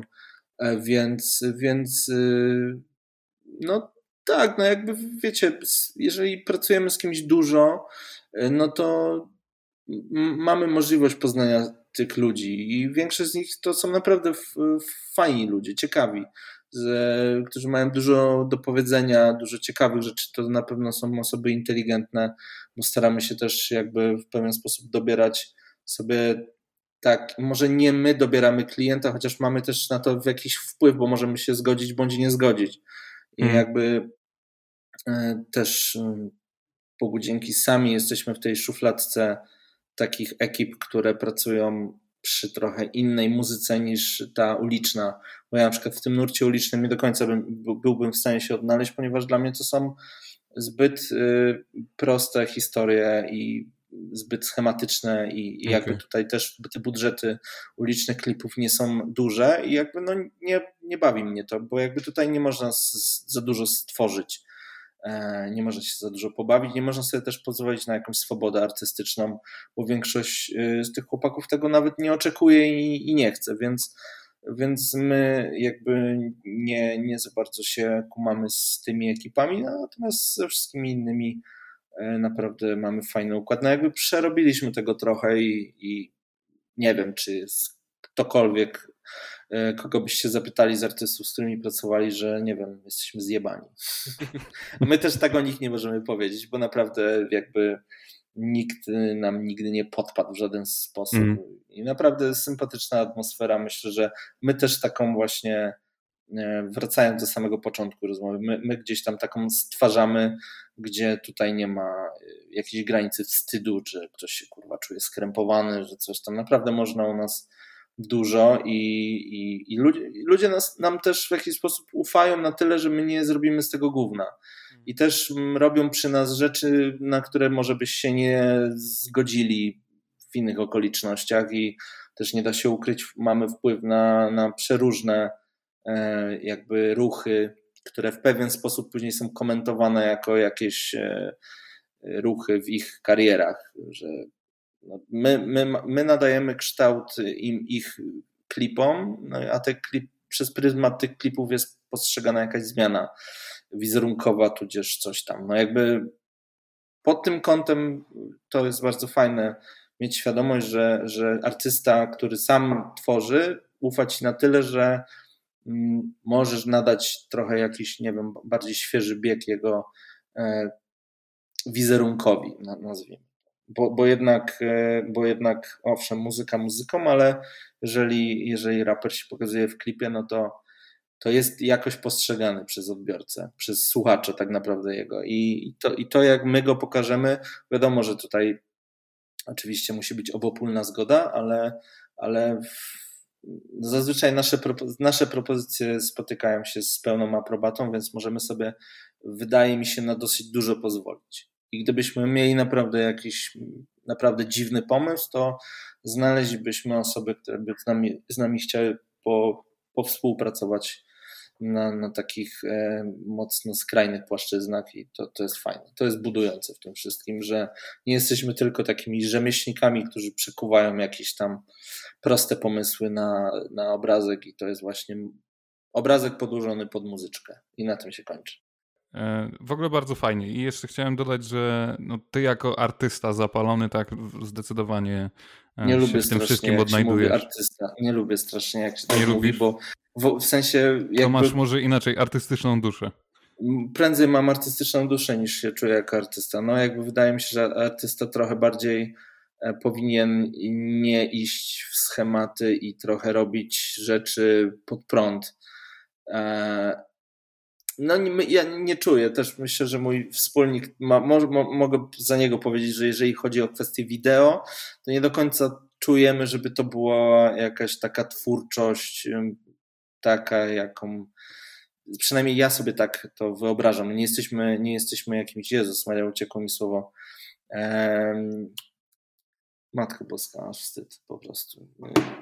Generalnie nic nie, nic, nic, nie wymyśliliśmy, nic nie wymyśliliśmy i nie, jakby... Nie jesteście prometeuszami może, o, w ten sposób, że nie niesiecie jeszcze, jakiegoś jeszcze nowego inne słowo, jeszcze, jeszcze inne słowo, ale no nieważne. No, no jakby wydaje mi się, że artysta to jest troszeczkę za dużo, przynajmniej w mojej ocenie. My po prostu gdzieś tam sobie, realizujemy sobie jakieś swoje rozkminy, ale to tak jak Aztek nawinął kiedyś, jeszcze za czasów ust Instrumentalix, że artyzm jest kurwą. No, trochę tak jest, no jakby ciężko się z tym nie zgodzić. Więc Zależy no. mocno od pieniędzy, ale w ogóle też chciałem zauważyć, że mówisz podobnym językiem w tej kwestii, jak jeden z naszych poprzednich gości, e, Marcin Kundera się nazywa. E, generalnie chłopak e, z naszego rodzinnego miasteczka też, ale on właśnie też mówił, że on się czuje bardziej rzemieślnikiem, on też w ogóle mm, kręci rzeczy, jest operatorem kamery albo asystentem na planie, e, więc różne funkcje ma w życiu, ale też on czuje się bardziej rzemieślnikiem i jemu to bardzo właśnie odpowiada do realizacji jakby swoich pomysłów albo wbijania się w jakieś ramy. I no właśnie to jest ciekawe dla Wiecie mnie, że, co, bo... że to jest takie powszechne w waszym jakby świadku wspólnym, takie ale, w ogóle, siebie, nie?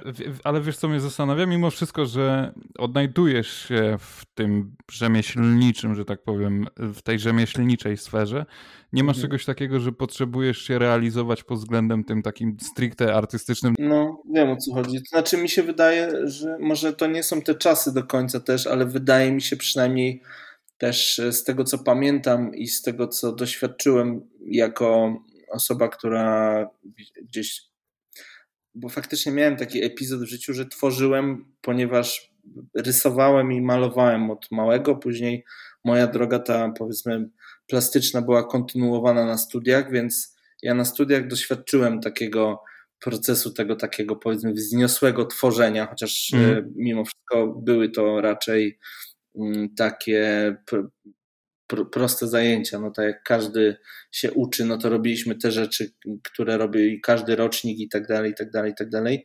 Ale ja wtedy miałem pierwszy raz okazję obcować po pierwsze z wykładowcami, którzy byli dla mnie bardzo często niezrozumiali, e, bo mówili o rzeczach, które ja postrzegałem trochę inaczej. Po prostu wiedziałem, że to jest moja niedojrzałość w kwestii artystycznej, a ja tego nie rozumiem to, co oni chcą mi przekazać, ok, jakby rozumiem słowa, ale jakby nie, nie wiem do końca o co im chodzi, ale to, to była właśnie kwestia tego, że ja nie do końca byłem dobrany w to miejsce, aczkolwiek też obcowałem wtedy z moimi jakby znajomymi z, z roku, czy tam z innych roczników, obserwując jak oni pracowali, to wiedziałem, że ja na przykład kompletnie nie jestem artystą przy nich, że oni są tak totalnie odpięci, mają gdzieś od, od, odpięty taki pierwiastek, e, kurwa, mm, jakby to powiedzieć, no oni po prostu lecieli z flow, o. A, a ja na przykład miałem coś takiego z tyłu głowy, kurwa, że to musi być e, do, dokładnie, bo zawsze, raczej byłem raczej, raczej byłem e, pedantem takim e, powiedzmy plastycznym i dla mnie musiało po prostu wszystko być e, ładnie zrobione i dokładnie niż gdzieś tam czułem, że mogę polecieć czymś. Nauczyłem się trochę później instrukcji obsługi, obchodzenia się czy, czy tam z pędzlem czy z płótnem, bo to może trochę taką ekspresję wyzwolić, ale no ja mimo wszystko byłem troszkę zamknięty i jakby mm, wtedy zdałem sobie sprawę z tego, że ja jednak jestem trochę bardziej taki nieartystyczny, że ja jakby okay. nie stworzę jakiegoś tutaj kurwa nurtu rewolucyjnego w malarstwie, bo kompletnie mnie to nie interesuje, a nie, nie czuję też takiej potrzeby nie czuję też takiego momentu, w którym się jakoś będę wyzwalał artystycznie, a mhm. obserwowałem to właśnie u innych gości, którzy mieli jakby kompletnie inne podejście do tego, do tych samych czynności, które robiliśmy i ja widziałem, że oni po prostu są totalnie odpięci, że mają wyjebane kto, co, kto, co ktoś o nich myśli, o ich, e, o tym, co robili, bo ja na przykład patrzyłem na ich rzeczy i wydawało mi się, że są chujowe na przykład i wydaje mi się, że to też często, gęsto takie młode osoby, które E, mają potrzebę gdzieś tam mm, pokazania wszystkim, że robią coś zajebiście, to jest trochę takie jednak przereklamowane. Też jest coś takiego. No tak, mam trochę wrażenie, że jeżeli ktoś tak mocno się obnosi, e, z, nazwijmy to swoją sztuką w dzisiejszych czasach i, i okrasza się um, artystą, gdzieś kurwa publicznie, pisze gdzieś kurwa pod jakimś, że jest kurwa fotografem, chuja jest fotografem. Jakby bardzo w dzisiejszych czasach wszystkim się wydaje, że robią wszystko kurwa zajebiście. Jest taki totalny brak pokory, skromności. Przede wszystkim mm, ludzie nie tak. wiedzą kurwa podstaw, nie znają podstaw, a już kurwa robią zdjęcia, ale już kurwa każdy maluje, każdy jest kurwa grafikiem. Wiecie, ja jakby nie mówię, że nie mogą tak mówić, ale w większości wypadków no, jakby nie idzie za tym e, nic, żaden efekt. No, oni po prostu są chujowi w tym, co robią, e, ale ich pewność siebie jest dla mnie tak na przykład przytłaczająca, że ja nie mam siły też z tym walczyć w żaden sposób. Mam zwis na to totalny, aczkolwiek wiem, jak, jak, jak kiedyś e, no ile ja musiałem prze, prze, kurwa, przerzucić gnoju, żeby gdzieś dojść do jakiegoś miejsca i tak nigdy w życiu bym się nie, właśnie nie określił mianem artysty, czy, czy w, kurwa w malarstwie, czy w fotografii, czy w rysunku, czy, czy w klipach. No jakby kompletnie nie czuję tego. Myślę, że też sztuce, jakakolwiek by to nie była dziedzina, trzeba się oddać tak kurwa totalnie. I wydaje mi się, że ja nigdy też nie potrafiłem się skupić na jednej rzeczy i bardzo mnie ciągnęło do różnych. Mm, no, w każdą stronę mnie ciągnęło i wszędzie gdzieś chciałem czegoś spróbować. I, i tak szczerze powiedziawszy, no, wracając do tego, tak naprawdę nie wiem, kurwa, o czym rozmawialiśmy już, ale, ale nie, nie czuję się artystą absolutnie i jakby Mm, poprzerwałem ci w połowie zdania. Mówiłem, żebyście mi ten, kurde, żebyście mi ścinali, bo teraz. Nie, nie, nie, nie, nie, nie, ja w ogóle z, zajebiście się właśnie słucham. o to nie? chodzi, właśnie o to rozjechałem, chodzi. rozjechałem się w ogóle. Ale wiesz co, wiesz co mi, w ogóle, mi w ogóle to mm, przypomniało jedną myśl, którą mi powiedziała moja przyjaciółka Kasia, która studiowała i zresztą skończyła mm, architekturę w Szczecinie. To ona na studiach miała właśnie mocno wyłożone na tym kierunku to, że jest bardzo cienka granica, wręcz niezauważalna między byciem kreatywnym a twórczym, nie? że twórczy to jest ten, kto coś robi nowego, twórczego, ciekawego, a kreatywny nie zawsze musi oczywiście to oznaczać coś źle, ale można kreatywnie wykorzystywać coś, Aha. co już istnieje jakby i to się też odnosi do tego, co a, To znaczy, no kurczę, z tą sztuką jest tak właśnie w ogóle dziwnie, bo naprawdę te, trochę się też czasy zmieniły i wydaje mi się, że kiedyś trochę inaczej przede wszystkim kiedyś byli trochę inni artyści, którzy przede wszystkim byli nazywani przez innych, przez odbiorców swojej sztuki artystami, a oni nigdy się sami tak nie nazywali. I za większością, w większości wypadków właśnie za ludźmi szła, e, sz, no może nie czyny, ale szły dowody w postaci, e, postaci tych produktów, które oni dostarczali, znaczy produktów, tak brzydko mówiąc, ale dzieł, nazwijmy ale też, to dzieł. Też granice kiedyś były bliżej niż, niż teraz. Teraz mamy szersze granice, jeżeli chodzi o wolność i, i pomysłowość, no ale ktoś te granice musiał też przekraczać, ktoś musiał te Rubikony mhm. pokonywać. Ale mimo wszystko, Ryszard, yy, ta wolność jest na jakichś podwalinach, tak? I oni, i ci nowi artyści, tak, mogą czerpać z tych z tego tworu, który już kiedyś powstał. Nie, I nie to, no tak, tak, zgadza się. Do tego, zmierzałem się to, do, tego, do tego zmierzałem mówiąc to. To znaczy, oczywiście jest cała masa młodych, zdolnych ludzi, którzy napierdalają e, w różnych dziedzinach i to jest super. Ja bardzo kibicuję, ale bardzo mnie też e, osobiście w kurwę, jak e, po prostu widzę przede wszystkim w internecie, bo właśnie tutaj to jest na przykład taki szczegół, kurwa, no nie doświadczysz E, wystawy takiego kurwa jednego z drugim, e, że ktoś mu zorganizuje wystawę, bo kurwa nikt by nawet nie wpadł na to, że można mu zorganizować wystawę, bo on nawet prawdopodobnie nie wie, że kurwa jego zdjęcia, które napierdala cyfrowym aparatem można wydrukować i tylko tak mogą je ludzie zobaczyć, bo jest artystą kurwa digitalnym i on w ogóle wszystko tylko w sieci pokazuje. Na Arcie. No, no na Arcie, no to są tacy artyści, no. I dlatego strasz, strasznie mnie drażni, jak się pan, panoszy taka masa ludzi, którzy właśnie no, nie za dużo potrafią, ale, ale to, to, wrócę też do tego gościa, o którym wcześniej wspominałem, mhm. do, do, tego Marcina, z którym robiliśmy też podcast. To on też mówił, że właśnie na tym DeviantArcie swoje rzeczy publikował i w ogóle on biegał po tym portalu, komentując ludziom y, rzeczy i, i najczęściej to były komentarze oczywiście negatywne. On mhm. mówi, że dzisiaj się tego bardzo w ogóle wstydzi, nie? Bo to też trzeba do tego dojrzeć, nie? Ale że właśnie wielu ludzi tak robi, nie? Że pokazują innym, zobacz, ty robisz źle, ja robię coś zajebiście, jesteś no. podłym naśladowcą tylko, nie? No ja, ja tak, wiecie co, no ja na przykład nie mam y, takiej fazy, że y, publicznie komentuję, ale czas, czasem mam tak, że no, wśród znajomych y, moich bliższych no to, no to kurwa mam podśmiechujki z tam powiedzmy z innych ekip klipowych. Nie, nie ukrywam tego jakby, ale to też nie jest, ja wiesz, wszystkim mógłbym powiedzieć w cztery oczy to wszystko, co myślę, chociaż to nie jest kwestia wytknięcia, nie wiem, bo ja staram się nie mówić komuś, a jesteś chujowy, tylko raczej poprzeć to czymś i na przykład mam jakieś bardzo konk konkretne uwagi względem innych e, ekip, które gdzieś tam sobie robią klipy, ale to wiesz, jakby też kompletnie nie czuję tego, żeby to, e, żeby o tym bardzo publicznie mówić. To jest, to, to jest wiadomo, to jest taki insight i to każdy, mm, każdy myślę, że ma coś takiego.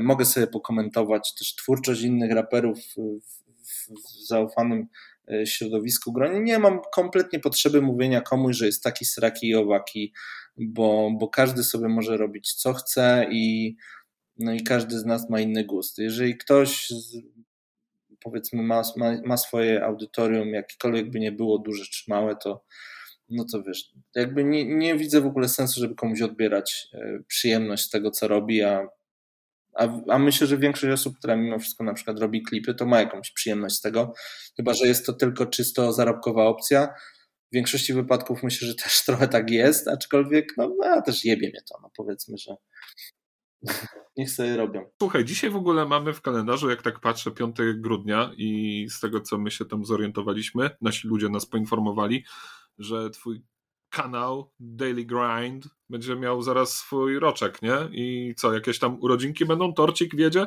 Coś takiego? Torcik może nie, ale faktycznie 13 grudnia zeszłego roku wymyśliliśmy, znaczy wymyśliliśmy już wcześniej, ale, ale jakby słowo stało się czynem i faktycznie odpaliliśmy portal, chociaż tego nie lubię nazywać portalem i tak, no i roczek się zakręcił nagle. Kurczę, jak z bicza trzasnął yy, i fajnie, cieszę się bardzo. No tak, będzie imprezka. Nie, nie wiem, czy mogę wszystkich zaprosić, bo wszyscy się nie zmieszczą, aczkolwiek no będzie yy, powiedzmy impreza takim krakowskim klubie Prozak, dosyć popularnym, więc myślę, że kurwa, czy czwarte ludzi nawet przyjdzie, nawet nie wiadomo na co, bo tam frekwencja jest zawsze wysoka, mm. tym bardziej w weekendy, a to jest akurat piątek, ale jeżeli ktoś ma ochotę, akurat będzie, będzie słuchał tego wcześniej, bo zakładam, e, właśnie nie, nie wiem. Chyba, będzie, chyba puścimy to później, bo nawet nie mam kiedy teraz tego wepchnąć, jasne, nawet jakbym jasne. bardzo chciał. No to już będzie po urodzinkach prawdopodobnie, więc zakładam, że będziemy się fajnie bawić. No, raczej, raczej rapowo i też jakby dosyć przewidywalnie, bo yy, po prostu nie, nie, nie szykowaliśmy jakichś yy, nie wiadomo jakich e, atrakcji yy, na imprezę, na świętowanie takie huczne, bo to chyba jeszcze nie pora i jeszcze nie, nie, takie okoliczności. Nie takie rzeczy bym chciał świętować jak roczek. Cieszę się, że do, doszliśmy do tego roku i że jakby tutaj są perspektywy na przyszłe lata bardzo ciekawe i ja tak naprawdę czuję, że się w ogóle jeszcze nie, nie zdjąłem kurtki w przedpokoju, więc, więc dla mnie to jest taki zalążek. Wiesz co, powiem ci, że ja, ja się bardzo cieszę, że pojawiliście się w odmętach internetu, polskiego internetu i wiesz, i poświęcili, i poświęcasz uwagę polskiemu rapowi, no i nie tylko polskiemu, no bo newsy, newsy, tak newsy dotykają nie. też Ameryki i innych. Mhm. Powiedz mi, co, co cię skłoniło, bo ja śledzę też YouTube, czy tam w ogóle mhm. portale e, internetowe poświęcające, poświęcające uwagę właśnie rapowi, czy kulturze hip-hopowej. I bardzo mi brakowało czegoś takiego, co wy robicie, bo raz, że macie wiedzę, robicie to w, w ciekawy sposób, tak? A to, poza wami to jest kurwa Jurkowski, yy, mhm. Drink Champs polskie. O kurwa. Rap News. Rap News, tak. I, no, i nie wiem, znaczy, co jest. No, I jeszcze jest no taka tak, no. dziewczyna, z której się napierdala Mielcki. E, taka w okularach. Stricte rap, o.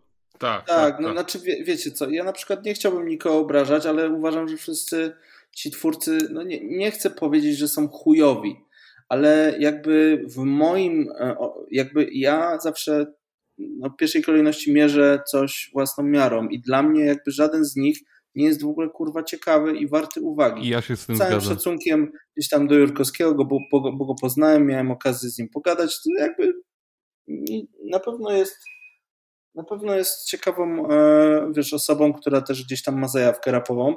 Natomiast no jakby mnie to kompletnie nie, nie grzeje i nie, nie kupowałem nigdy tych rzeczy tak, żeby wiesz, rozsiąść się i się rozkoszować kurwa jakby merytoryką rozmowy. Mm, ja... mimo wszystko nie ma w gruncie no, rzeczy. No, no więc właśnie, jakby on miał swoje trochę 5 minut y, dzięki tym gierkom z chłopakami w FIFA, bo to jakby bardzo to zażarło akurat i to był taki powiedzmy fajny content dla, dla widza. I ci raperzy też się jakby pierwszy raz miałem wrażenie otworzyli przed kimś, także wpadli sobie po prostu posiedzieć, pogadać i pograć w fifkę i jakby Głównie w, ty, w, tych formatach chodzi o to, żeby troszkę pokazać rapera e, z innej strony. W taki sposób, tak, jak, jak go jeszcze ludzie nie mieli okazji zobaczyć. Chociaż i tak żyjemy w takich czasach, że raperzy się obnażają przed nami e, za każdym razem, codziennie rano, wieczorem, po południu. No, po prostu mają, my mamy do nich dostęp. Kiedy oni tylko będą chcieli nam coś tam pokazać, no to widzimy to od razu. Tutaj już nie trzeba się jakby dobijać do nikogo albo organizować jakichś specjalnych okoliczności, tylko oni po prostu na Instagramie nam pokazują, co chcą, a pokazują często dużo, więc jakby nie ma też tego takiego, takiego ciśnienia, żeby ojej, czekam, kurwa, żeby ten pokazał swój samochód. No jakby nie, bo go pokazał 7 razy już w tym tygodniu na przykład, albo no, tak, tak to działa, więc jakby to docelowo skłoniło mnie do tego, z jednej strony sam mm, troszkę, bo nie wiem, czy bym to chciał, nie wiem, czy bym to jakby zdecydowałbym się, żeby to robić, gdyby nie pandemia tak naprawdę, bo okay. wtedy trafiło na taki okres, kiedy, kiedy zaczęła się ta, ta cała e, pandemia i siadłem na dupie tak przez chwilę i ja wtedy z mojego prywatnego Instagrama postanowiłem zrobić trochę cyrku, bo stwierdziłem, że teraz będę popularny i muszę zarobić pieniądze na byciu popularnym w internecie, bo tak robią wszyscy, mhm. I, a ja mam do tego predyspozycję. nieskromnie mówiąc, bo uważam, że jestem jakiś. Tak. A, a miałem też, y, dziękuję, nie, no ja się zgadzam, bo ja w ogóle lubię i nie jestem pierwszą osobą, jestem która bez, to mówi, ale lubię twoje relacje i w ogóle to no jak na Daily Grind wstawiasz, że okay. siemano tutaj 50 cent, coś tam, wiesz, morda dla to, zasięgu. Bo, w ogóle ja jestem rozjebany. Są większe, są większe zasięgi, jak się wrzuca twarz y, na początku, wiecie?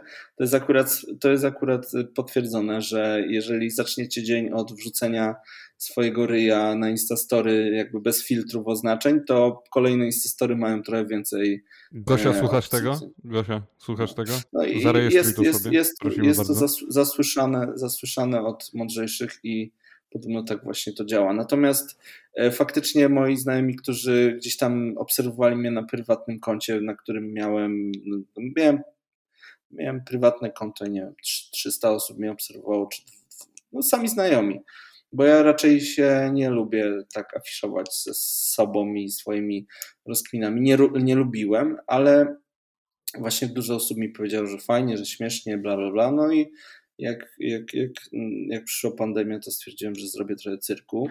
I na początku trochę się wygłupiałem, po prostu chciałem tak nadzwyczajnie trochę po, poświrować i zrobić to aż niesmacznie i przerysować to wszystko, że jestem teraz influencerem. I specjalnie z premedytacją wrzuciłem zdjęcia wszystkie, jakie miałem z raperami. Ja nigdy takich rzeczy nie robiłem. A bo w sumie też nie mam zdjęć z raperami, bo sobie nie robiłem nigdy. No ale wtedy po prostu wszystko zrobiłem wbrew sobie i stwierdziłem, że będzie śmiesznie, jak y, teraz pójdę tą drogą i zobaczymy, co się wydarzy. No i faktycznie jakby złapałem się na tym, że mam coraz y, ciekawszy odbiór. Ludzie jakby y, się cieszą, jak mnie widzą i że to jest fajne.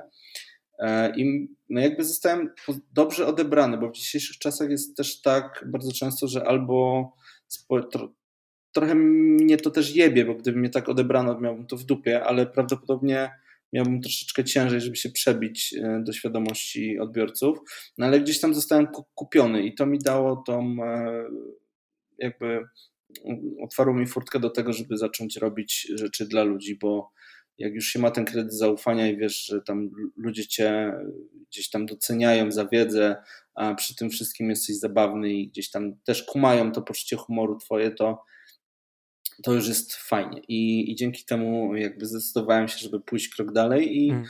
i zrobić. E, też w związku z, z, tym, że dosyć często się naśmiewałem z, z rapowych mediów w Polsce, bo jak mówię, no, dla mnie były po prostu chujowe i nijakie i zawsze to komentowałem w, albo w gronie najbliższych Wiesz, znajomych. Zauważyłem, że większość mediów poświęconych, e, no wiesz, że, że skupionych na rapie, no prowadzą ludzie, którzy nie mają wiedzy, albo mają minimalną wiedzę, albo nie mają żadnej wiedzy no, na, temat, na temat tej muzyki. Z jednej strony trochę tak jest, znaczy wiecie, na przykład jak mam punktować po kolei, to na przykład hip-hop.pl nie istnieje. E, jest Popkiller, który na przykład w redakcji ma naprawdę zajebistych e, zajawkowiczów z ogromną wiedzą, bo Mateusz Natali, czyli założyciel, właściciel i też osoba, która się bardzo często udziela, ma niesamowitą wiedzę, natomiast Mateusz nie jest też mm, e, na tyle charyzmatyczną postacią i energiczną, którą jest e, która jest w stanie w jakikolwiek sposób porwać za sobą ludzi. A wydaje mi się, że są nie, takie czasy. Niestety muszę się z tym zgodzić, bo ja na no. przykład nie, nie daję rady oglądać wywiadów yy, na Popkillerze, a tym no bardziej właśnie, czytać czegokolwiek tam. Mimo no tego, że, że szanuję takie... bardzo na, yy, tego Emateja. Ja, ja, też, ja też właśnie i lubię prywatnie bardzo i życzę wszystkiego najlepszego i na pewno bardzo doceniam historię Mateusza, bo jakby wydaje mi się, że on najdłużej i naj bardziej. No tak, on naj, najdłużej i.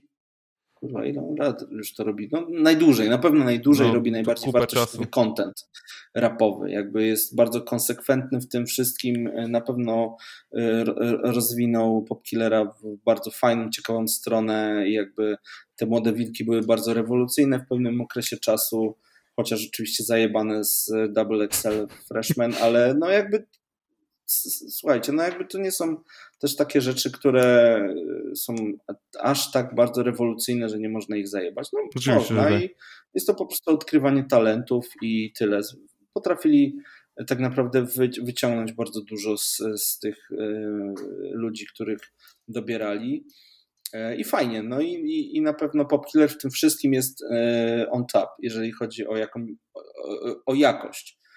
CGM w następnej kolejności przez chwilę miał, miał swoje 5 minut przez Rawicza, który y, tak naprawdę nic nie wie o rapie, ale potrafi sprawić, że wydaje wam się, że cokolwiek wie. Mhm. No przede wszystkim umie z ludźmi teraz... rozmawiać i na tym, na tak, tym to właśnie wszystko polega. No, w, pewnym momencie, w pewnym momencie, kiedy regułą stało się y, to, że do, jakby wytwórnie wysyłały mu, znaczy nie wytwórnie, tak naprawdę CGM miał po prostu deala z czy, czy tymi mniejszymi wytwórniami, czy z majorsami, kiedy była premiera płyty, to mu wysyłali jakiegoś rapera XYZ, o którym istnieje Rawicz nawet nie miał pojęcia i próbuje się wysilić, żeby cokolwiek e, z nim pokonwersować, no to, to straciło w ogóle jakikolwiek sens.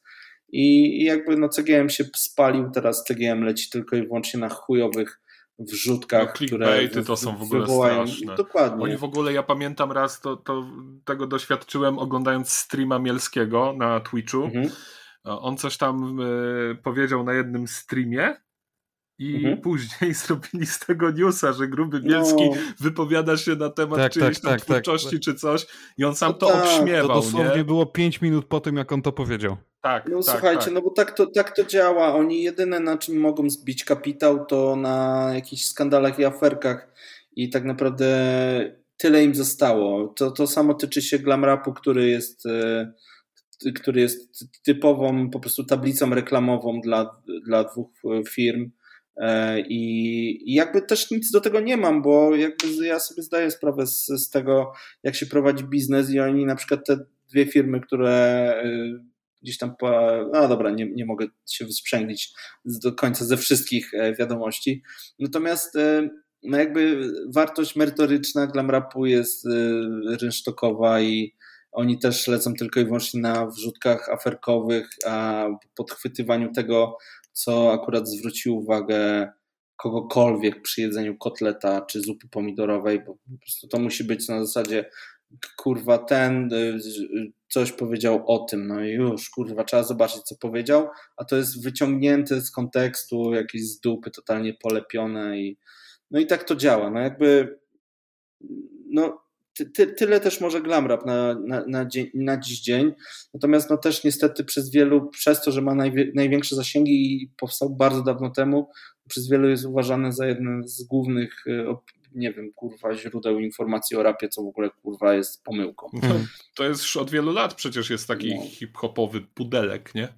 No, z jednej strony tak, no oni myślę, że mieli gdzieś tam, mo, może mieli ochotę na to, żeby coś więcej z tym zrobić, a to nie wyszło.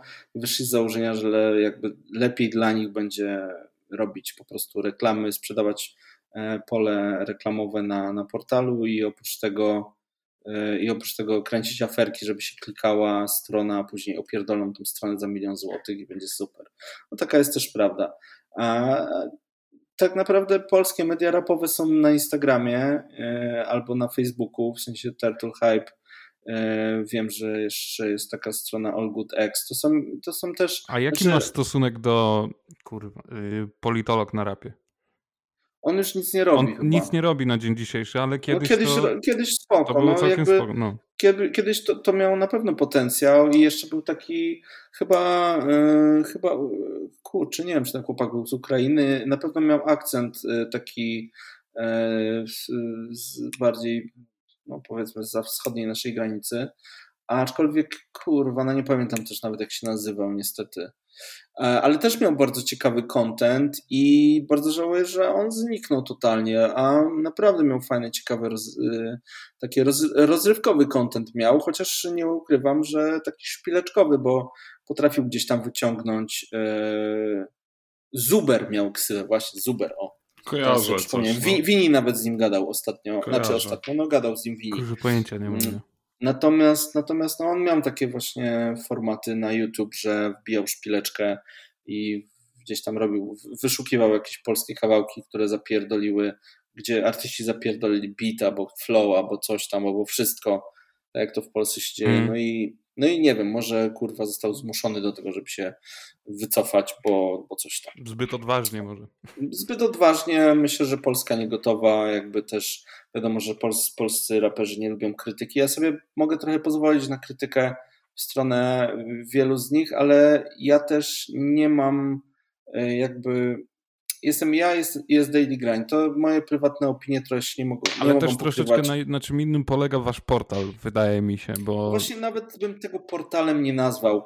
I tak szczerze, jeszcze do końca sami nie wiemy, w którą stronę to pójdzie, bo yy, tak, jakby no, nasza odpowiedź to była odpowiedź na to, że jest nudno i chujowo w rapowych mediach, albo przynajmniej jest tak, że nawet jeżeli gdzieś ten content, na przykład taki memowy tworzy Turtle Hype na Instagramie i on jest jakby atrakcyjny dla, dla ludzi, to my nie, nie, nie znajdowaliśmy w tym, przynajmniej ja w tym nie znajdowałem y, też y, jakiejś takiej wiedzy, czy, czy, czy, czy jakichś takich ciekawych Mm, informacji, które bym może chciał, jednak bym się chciał dowiedzieć, bo ja się dowiadywałem tego oczywiście na zagranicznych mediach, ale w Polsce była kurwa cisza i susza. Mm. Więc y, ja właśnie miałem takie zrywy u siebie na prywatnym koncie, że wrzucałem y, różne ciekawostki i wtedy mi ludzie zaczęli pisać, ej kurwa, może byś portal założył, bo jebie głównym. No i, i tak od słów do czynów właśnie z, wymyśliliśmy Daily Grind i no i tak się to toczy. Ja docelowo chciałem wylądować na YouTubie, bo to, o to też chodziło, bo e, żyjemy właśnie też w takich e, czasach, że wszystko się ogląda bardziej niż czyta. Ja wiem, że mm, teksty, które ja wrzucałem na samym początku, może ktoś tam kurwa czytał, ale myślę, że część jak zobaczyła, że jest pięć linijek pod sobą, to już kurwa mieli miażdżycę i już było ciężko, więc wiedziałem, jakby ja się przygotowywałem mentalnie na to, że e, trzeba zacząć, w sensie nie przygotowywałem się, to było założenie takie, że najpierw rozkręcamy troszkę stronę, wrzucamy fajne teksty, żeby powiedzmy komuś zaimponować, kto się zna na muzyce, Później wjeżdżamy w social media i napierdalamy daily, po prostu codziennie nakurwiamy wiadomości, jakiekolwiek by nie były, byleby nie były clickbaitowe i chujowe, a jeżeli mam ochotę wrzucić coś clickbaitowego, to wrzucam to w taki prześmiewczy sposób, że też mnie chuj interesuje, że ktoś coś na ten temat powie. Po prostu chciałbym, żeby jakby Daily Grind nie było takim tworem widmo, mhm. tylko miało twarz i ma twarz moją i mojego wspólnika Piotrka i mam wrażenie, że jakby e, i artyści, i ci odbiorcy, którzy mają trochę więcej IQ, nas doceniają na tyle, że widzą, że jest wiedza, jest poczucie humoru, w tym wszystkim jest luz i też no, moje znajomości i właśnie koleżeństwo z niektórymi raperami sprawia, że mogę sobie z nimi pozwolić na troszkę więcej podczas rozmowy, mogę im zadać pytania, mogę ich przede wszystkim zaprosić e, i oni oba nie obawiają się tego, że im zapierdolę jakiś gong w trakcie gadki i Skąd oni ksywa? kurwa, no, no, cokolwiek, bo jakby już umówmy się, takie rzeczy się zdarzały wielokrotnie i, tak. i ci goście jak o tym myślą, no to, no to nawet nie chcą o tym myśleć, że takie coś się może wydarzyć, bo to jest niestworzone, że że w Polsce dalej jakby nie, nikt nie zaliczył e, żadnego progresu w kwestii właśnie mediów. Ja się staram to gonić, bo jednak obcuję z młodymi ludźmi też zdaję sobie sprawę z tego, że nie możemy prowadzić takiej mm, nie możemy prowadzić takiej działalności super poważnej, tak jak robi to Popkiller, czyli sumienne wrzucanie naprawdę wielu newsów dziennie, że kurwa płyta wyszła. Niestety ludzi to chuja interesuje, nie? Jak ktoś sensie, będzie chciał wiedzieć, czy wyszła płyta, to się po prostu tego dowie Raczej, raczej tak, raczej, raczej ludzie, ludzie gdzieś tam się starają w, w, albo mają to gdzieś pod nosem, albo ich to totalnie jebie. Ja, ja jakby zaczynam to rozgryzać E, i, i myślę, że wiem mniej więcej, czego oczekują e, wszyscy od nas. Ja mam jeszcze bardzo dużo niespodzianek, ale docelowo bardzo chciałbym wylądować w dużej mierze na YouTubie. Jakby nie jest to tajemnicą, że jakby my chcemy stworzyć e, rapową telewizję w internecie i jakby chcemy robić coś takiego jak kanał sportowy, który był inspiracją dla mnie. Nie jest to moja jedyna inspiracja, bo Drink Champs, prawdziwe Drink Champs z, ze Stanów na jakby. Z Norim. Tak, z Norim nie jest mi obce jest to bardzo fajny format właśnie tutaj jest, e, tutaj widać namacalnie to, że rozmawiałem z gościem, który też kurwa swoje zjadł na ulicy i, i w rapie, mm, chociaż paru go uważa za frajera, bo on tam, coś tam kiedyś rozjebał chyba. Natomiast... E, nie on jeden. Nie, nie on jeden, ale no mimo wszystko, nawet jeżeli są jakieś tam a, zgrzyty, no to też potrafi zrobić show, jest to ciekawe. Wiadomo, że mm, podcast y, Drink Champs polega na tym, że no oprócz Kanye Westa, który ostatnio kurwa się pojawił z, znikąd, to niesamowite, z, że... kurwa spod kosiarki. Tak, natomiast no to, to, że on tam wjechał, no to wielkie, wielkie, no jakby zawsze Drink Champs to jest skarbnica po prostu e, anegdot, prawda? Tak jest. To są historie wykopane, mm, gdzie, gdzie ci goście nie mają pola na to, żeby, żeby się z tym wysprzęglić, więc, więc wszystko to gadają w, u Noriego. Ja też chciałbym docelowo, mm, żeby tak to u mnie wyglądało i jakby trzeba, trzeba po prostu stworzyć e, e, artyście pole do tego, żeby tak sobie pogadał. Nie jestem też niestety do końca fanem tak długich, e, tak długich odcinków, bo no, oni potrafią 4 godziny 4 pierdolić. Godziny, no. no my dzisiaj lecimy już 3 ponad. No właśnie, więc myślę, że kurwa oglądnie to moja mama wysłucha szydełkując. Nie, no będą tacy, co dotrwają do końca, zobaczysz, jeszcze nam pomachają na końcu to i napiszą fajnie. o tym. To bardzo, bardzo fajnie, bo ja my na przykład... My, my, chcemy, znaczy się, no nie zawsze takie długie, ale yy, chcemy robić taki dłuższy format, bo tego też nie ma w ogóle. No ja lubię, ty, tyle, że wiecie, ja mam, ja, ja niestety muszę to, to rozgryzać trochę pod kątem biznesowym, bo gdybym ja chciał po trzy godziny gadać z każdym, to naprawdę miałbym bardzo mało wyświetleń, dlatego moją, hmm. moim zadaniem jest jakby stworzyć dużo formatów, bo bardzo lubię długie rozmowy i rzeczowe i ciekawe. I nie lubię też robić kurwa skrótów z tych rozmów, bo właśnie o to chodzi w rozmowie, żeby ją przesłuchać od początku do końca. Mm. Oczywiście to, to, to jest fajne na, na Spotify, na, także to sobie może lecieć w tle, ale ja lubię sobie czasem tak odpalić, żeby sobie leciało, więc jak mam tylko możliwości, to, to sobie odpalam Dream z te dłuższe rzeczy. E, ale, ale no muszę też y, stety, niestety wjechać w te krótsze formaty, które są bardziej rozrywkowe, więc jakby mam, mam kilkanaście pomysłów na, na nowe rzeczy, które się u nas pojawią e, w przeciągu nadchodzącego roku i no jakby bardzo szybki rozwój zaliczyliśmy. Tak nie pocując się specjalnie, bo uważam, że i tak doszliśmy do takiego momentu, że jest nieźle, i dla mnie to nie jest ani za dużo, ani za mało, to jest mniej więcej tyle, ile obstawiałem, że będzie.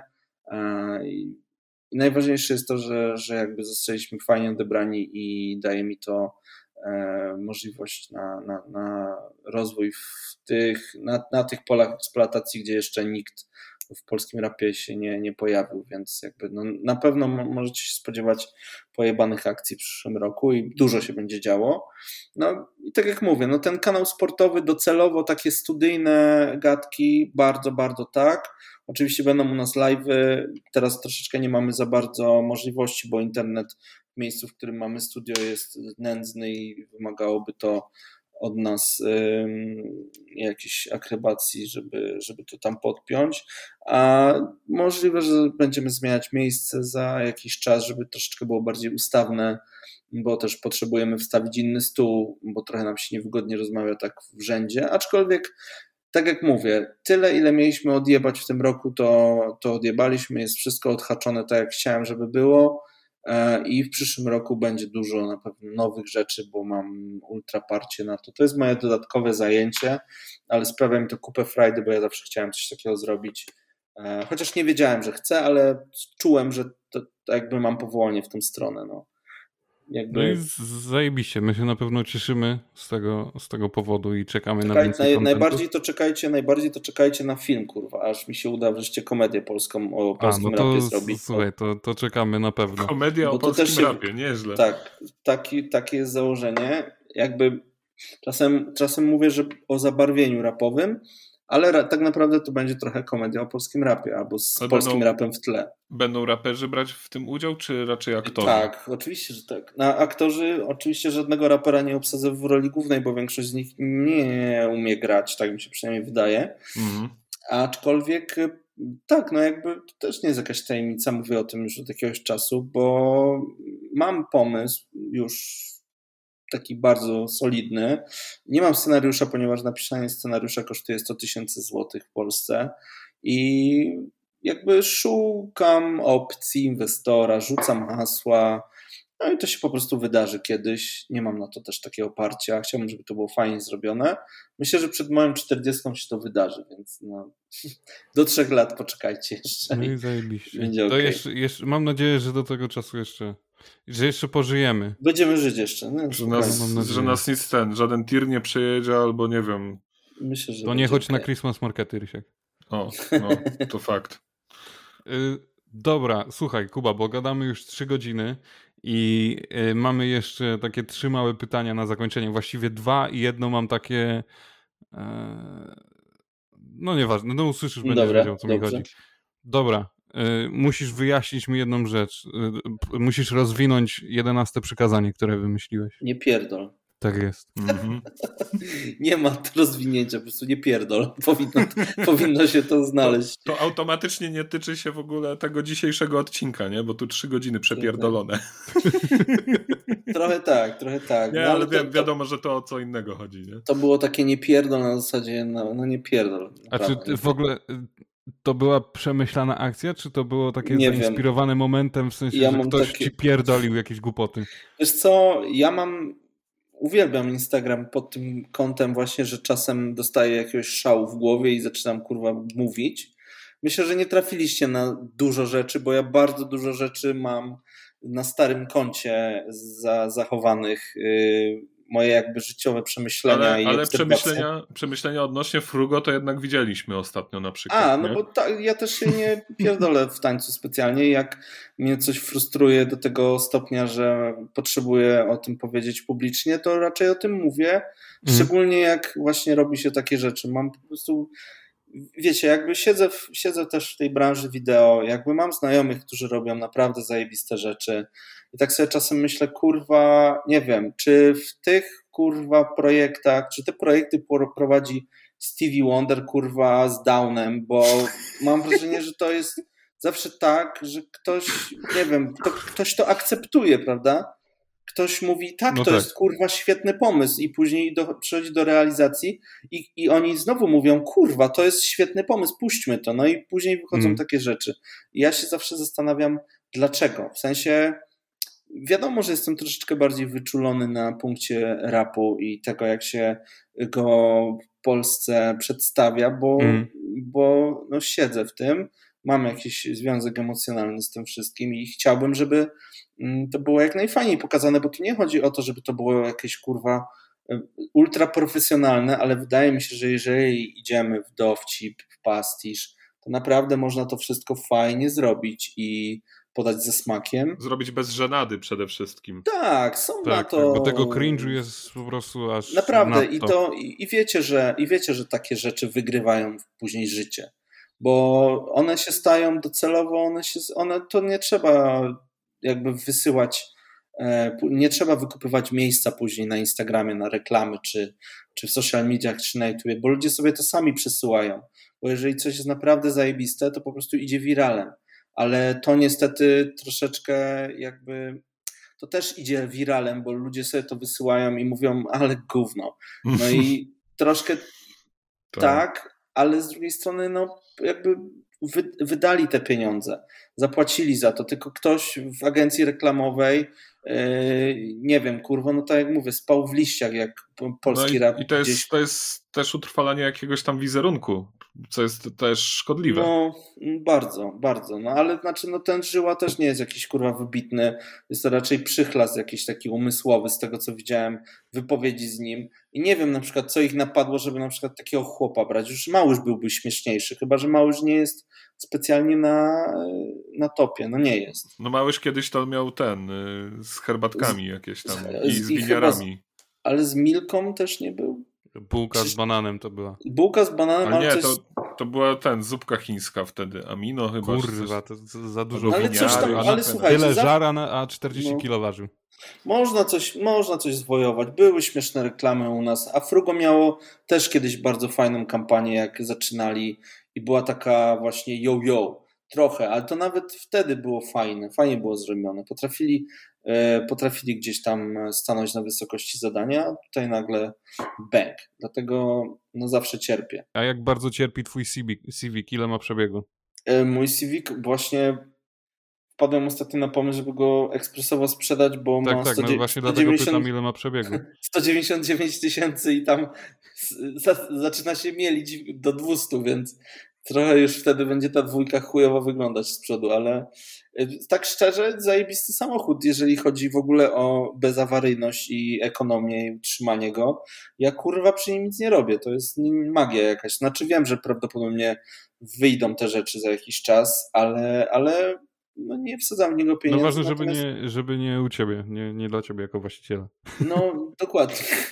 Znaczy też zdaję sobie sprawę z tego, że tam jest kilka rzeczy do wymiany, ale ja nie chcę ich wymieniać, mam tylko serca. Wsadzę w to pieniądze, których nie wyjmę później z tego wszystkiego, więc tak szczerze jestem w stanie go zawieźć do jakiegoś yy, zaprzyjaźnionego yy, mechanika, który me mechanizuje samochody i powiedzieć, to jest zjebane, to jest zjebane i daj mi tyle i tyle, bo wiem, ile jest wart mniej więcej. Natomiast no, fajne autko, w pewnym momencie mnie woziło bardzo długo i, i było super. Natomiast no, myślę, że przyszedł czas, żeby zmienić samochód, bo ile można jeździć, kurwa, Honda Civic. To prawda. Dobra, i ostatnie takie pytanie na koniec. Co trzeba zrobić, żeby BRK i Jarecki odwalili dla nas Wojstek? O kurczę. Mm, nie wiem. Trzeba. Trzeba, do jechać, nich pewnie się odezwać. Trzeba jechać do Opola, no. Ale tak, no można się do nich odezwać, no. Napiszcie do nich na Instagramie i powiedzcie, Co kosztuje, że, powiedz że Pad Customs nic. Ale w sensie, no, wiecie, no, no. oczywiście no. to była zabawa i ja Słuchaj, taki voice tak mieć zrobiony przez Berka i Jareckiego to...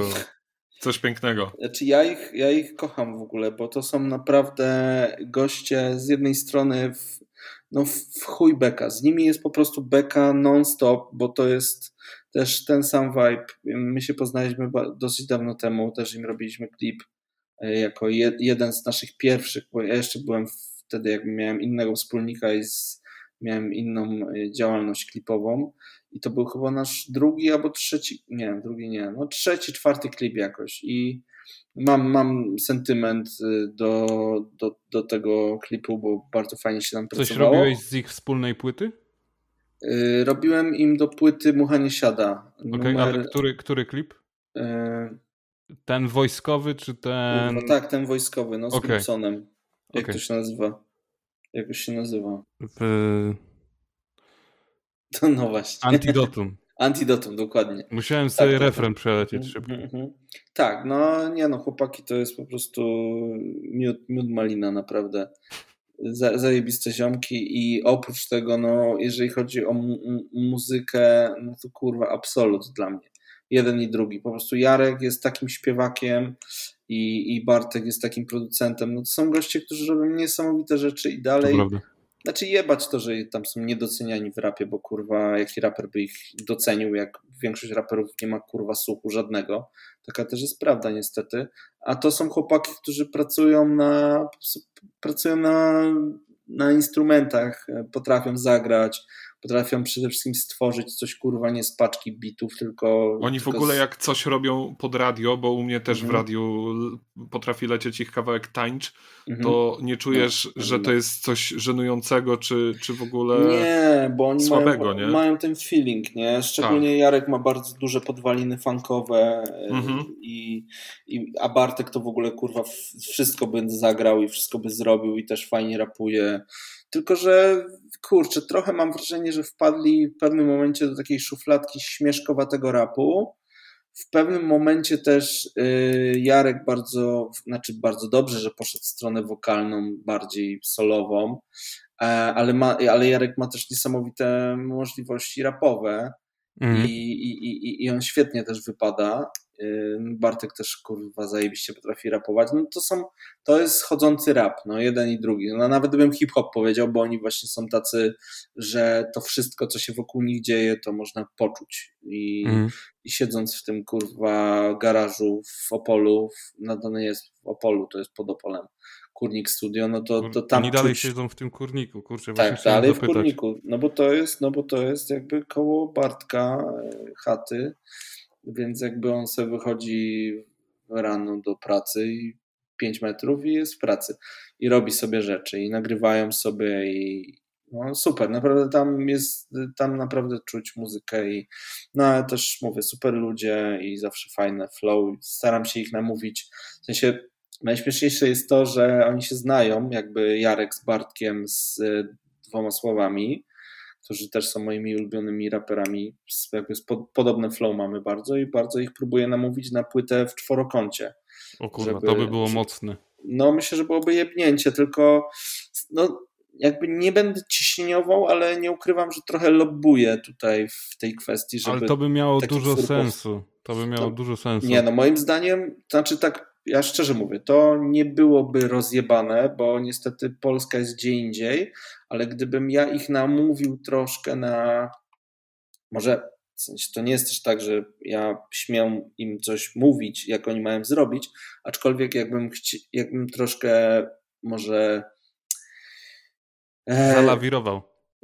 zalawirował, coś gdzieś zasugerował, że może można by zrobić taki eksperyment, to oni naprawdę mogliby na przykład zrobić jakieś trapowe numery, które byłyby w pewien sposób pastiszowe, ale byłyby też bardzo prawdziwe i myślę, że jakościowo byłyby naprawdę dojebane, bo mhm.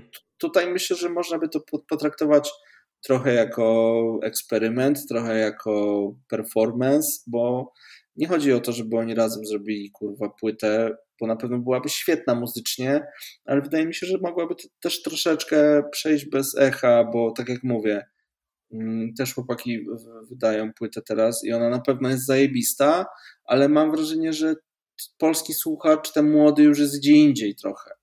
I, hmm. i, i, I tutaj tym chłopakom topnieje ten rapowy odbiorca.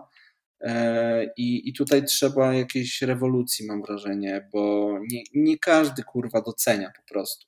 To też jest kwestia wieku, myślę, że dojrzałości i, i, I też myślę, że no, trzeba mieć gust po prostu muzyczny, no jakby bez pierdolenia. Nie można mówić, że są gusta i guściki, ale no, trzeba mieć ucho do mm. muzyki, żeby umieć docenić, że ktoś naprawdę potrafi zajebiście e, coś zrobić, bo no, rap jest dosyć prosty i ma też bardzo prostego odbiorcę, który w większości jest no niestety właśnie głuchy na te takie ciekawsze brzmienia e, i też bardzo często jest no, zero-jedynkowy, czyli jest rap i nic, kurwa, po prostu nic. Ja nie lubię do końca y, kumać się z ludźmi, którzy słuchają tylko rapu, bo zazwyczaj są bardzo ograniczeni. Lubię ludzi, którzy potrafią jednak e, docenić e, inną muzykę, jakakolwiek by nie była.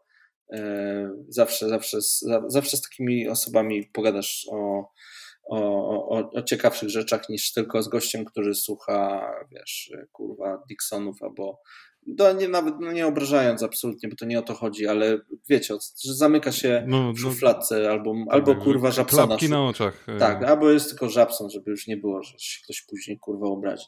Albo że jest tylko, że jest tylko Żabson i chuj, albo jest tylko Sarius i chuj. No nie, no jakby fajne są, fajne zmieszanie styli, jakby większość artystów będzie też po jakimś czasie eksperymentowała z różnymi gatunkami muzycznymi, no bo tak jak rozmawialiśmy, rap jest hybrydą absolutną i można w rapie zrobić wszystko.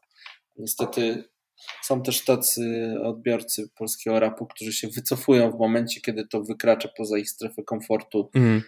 słuchowego i kurwa wtedy jest nie rap.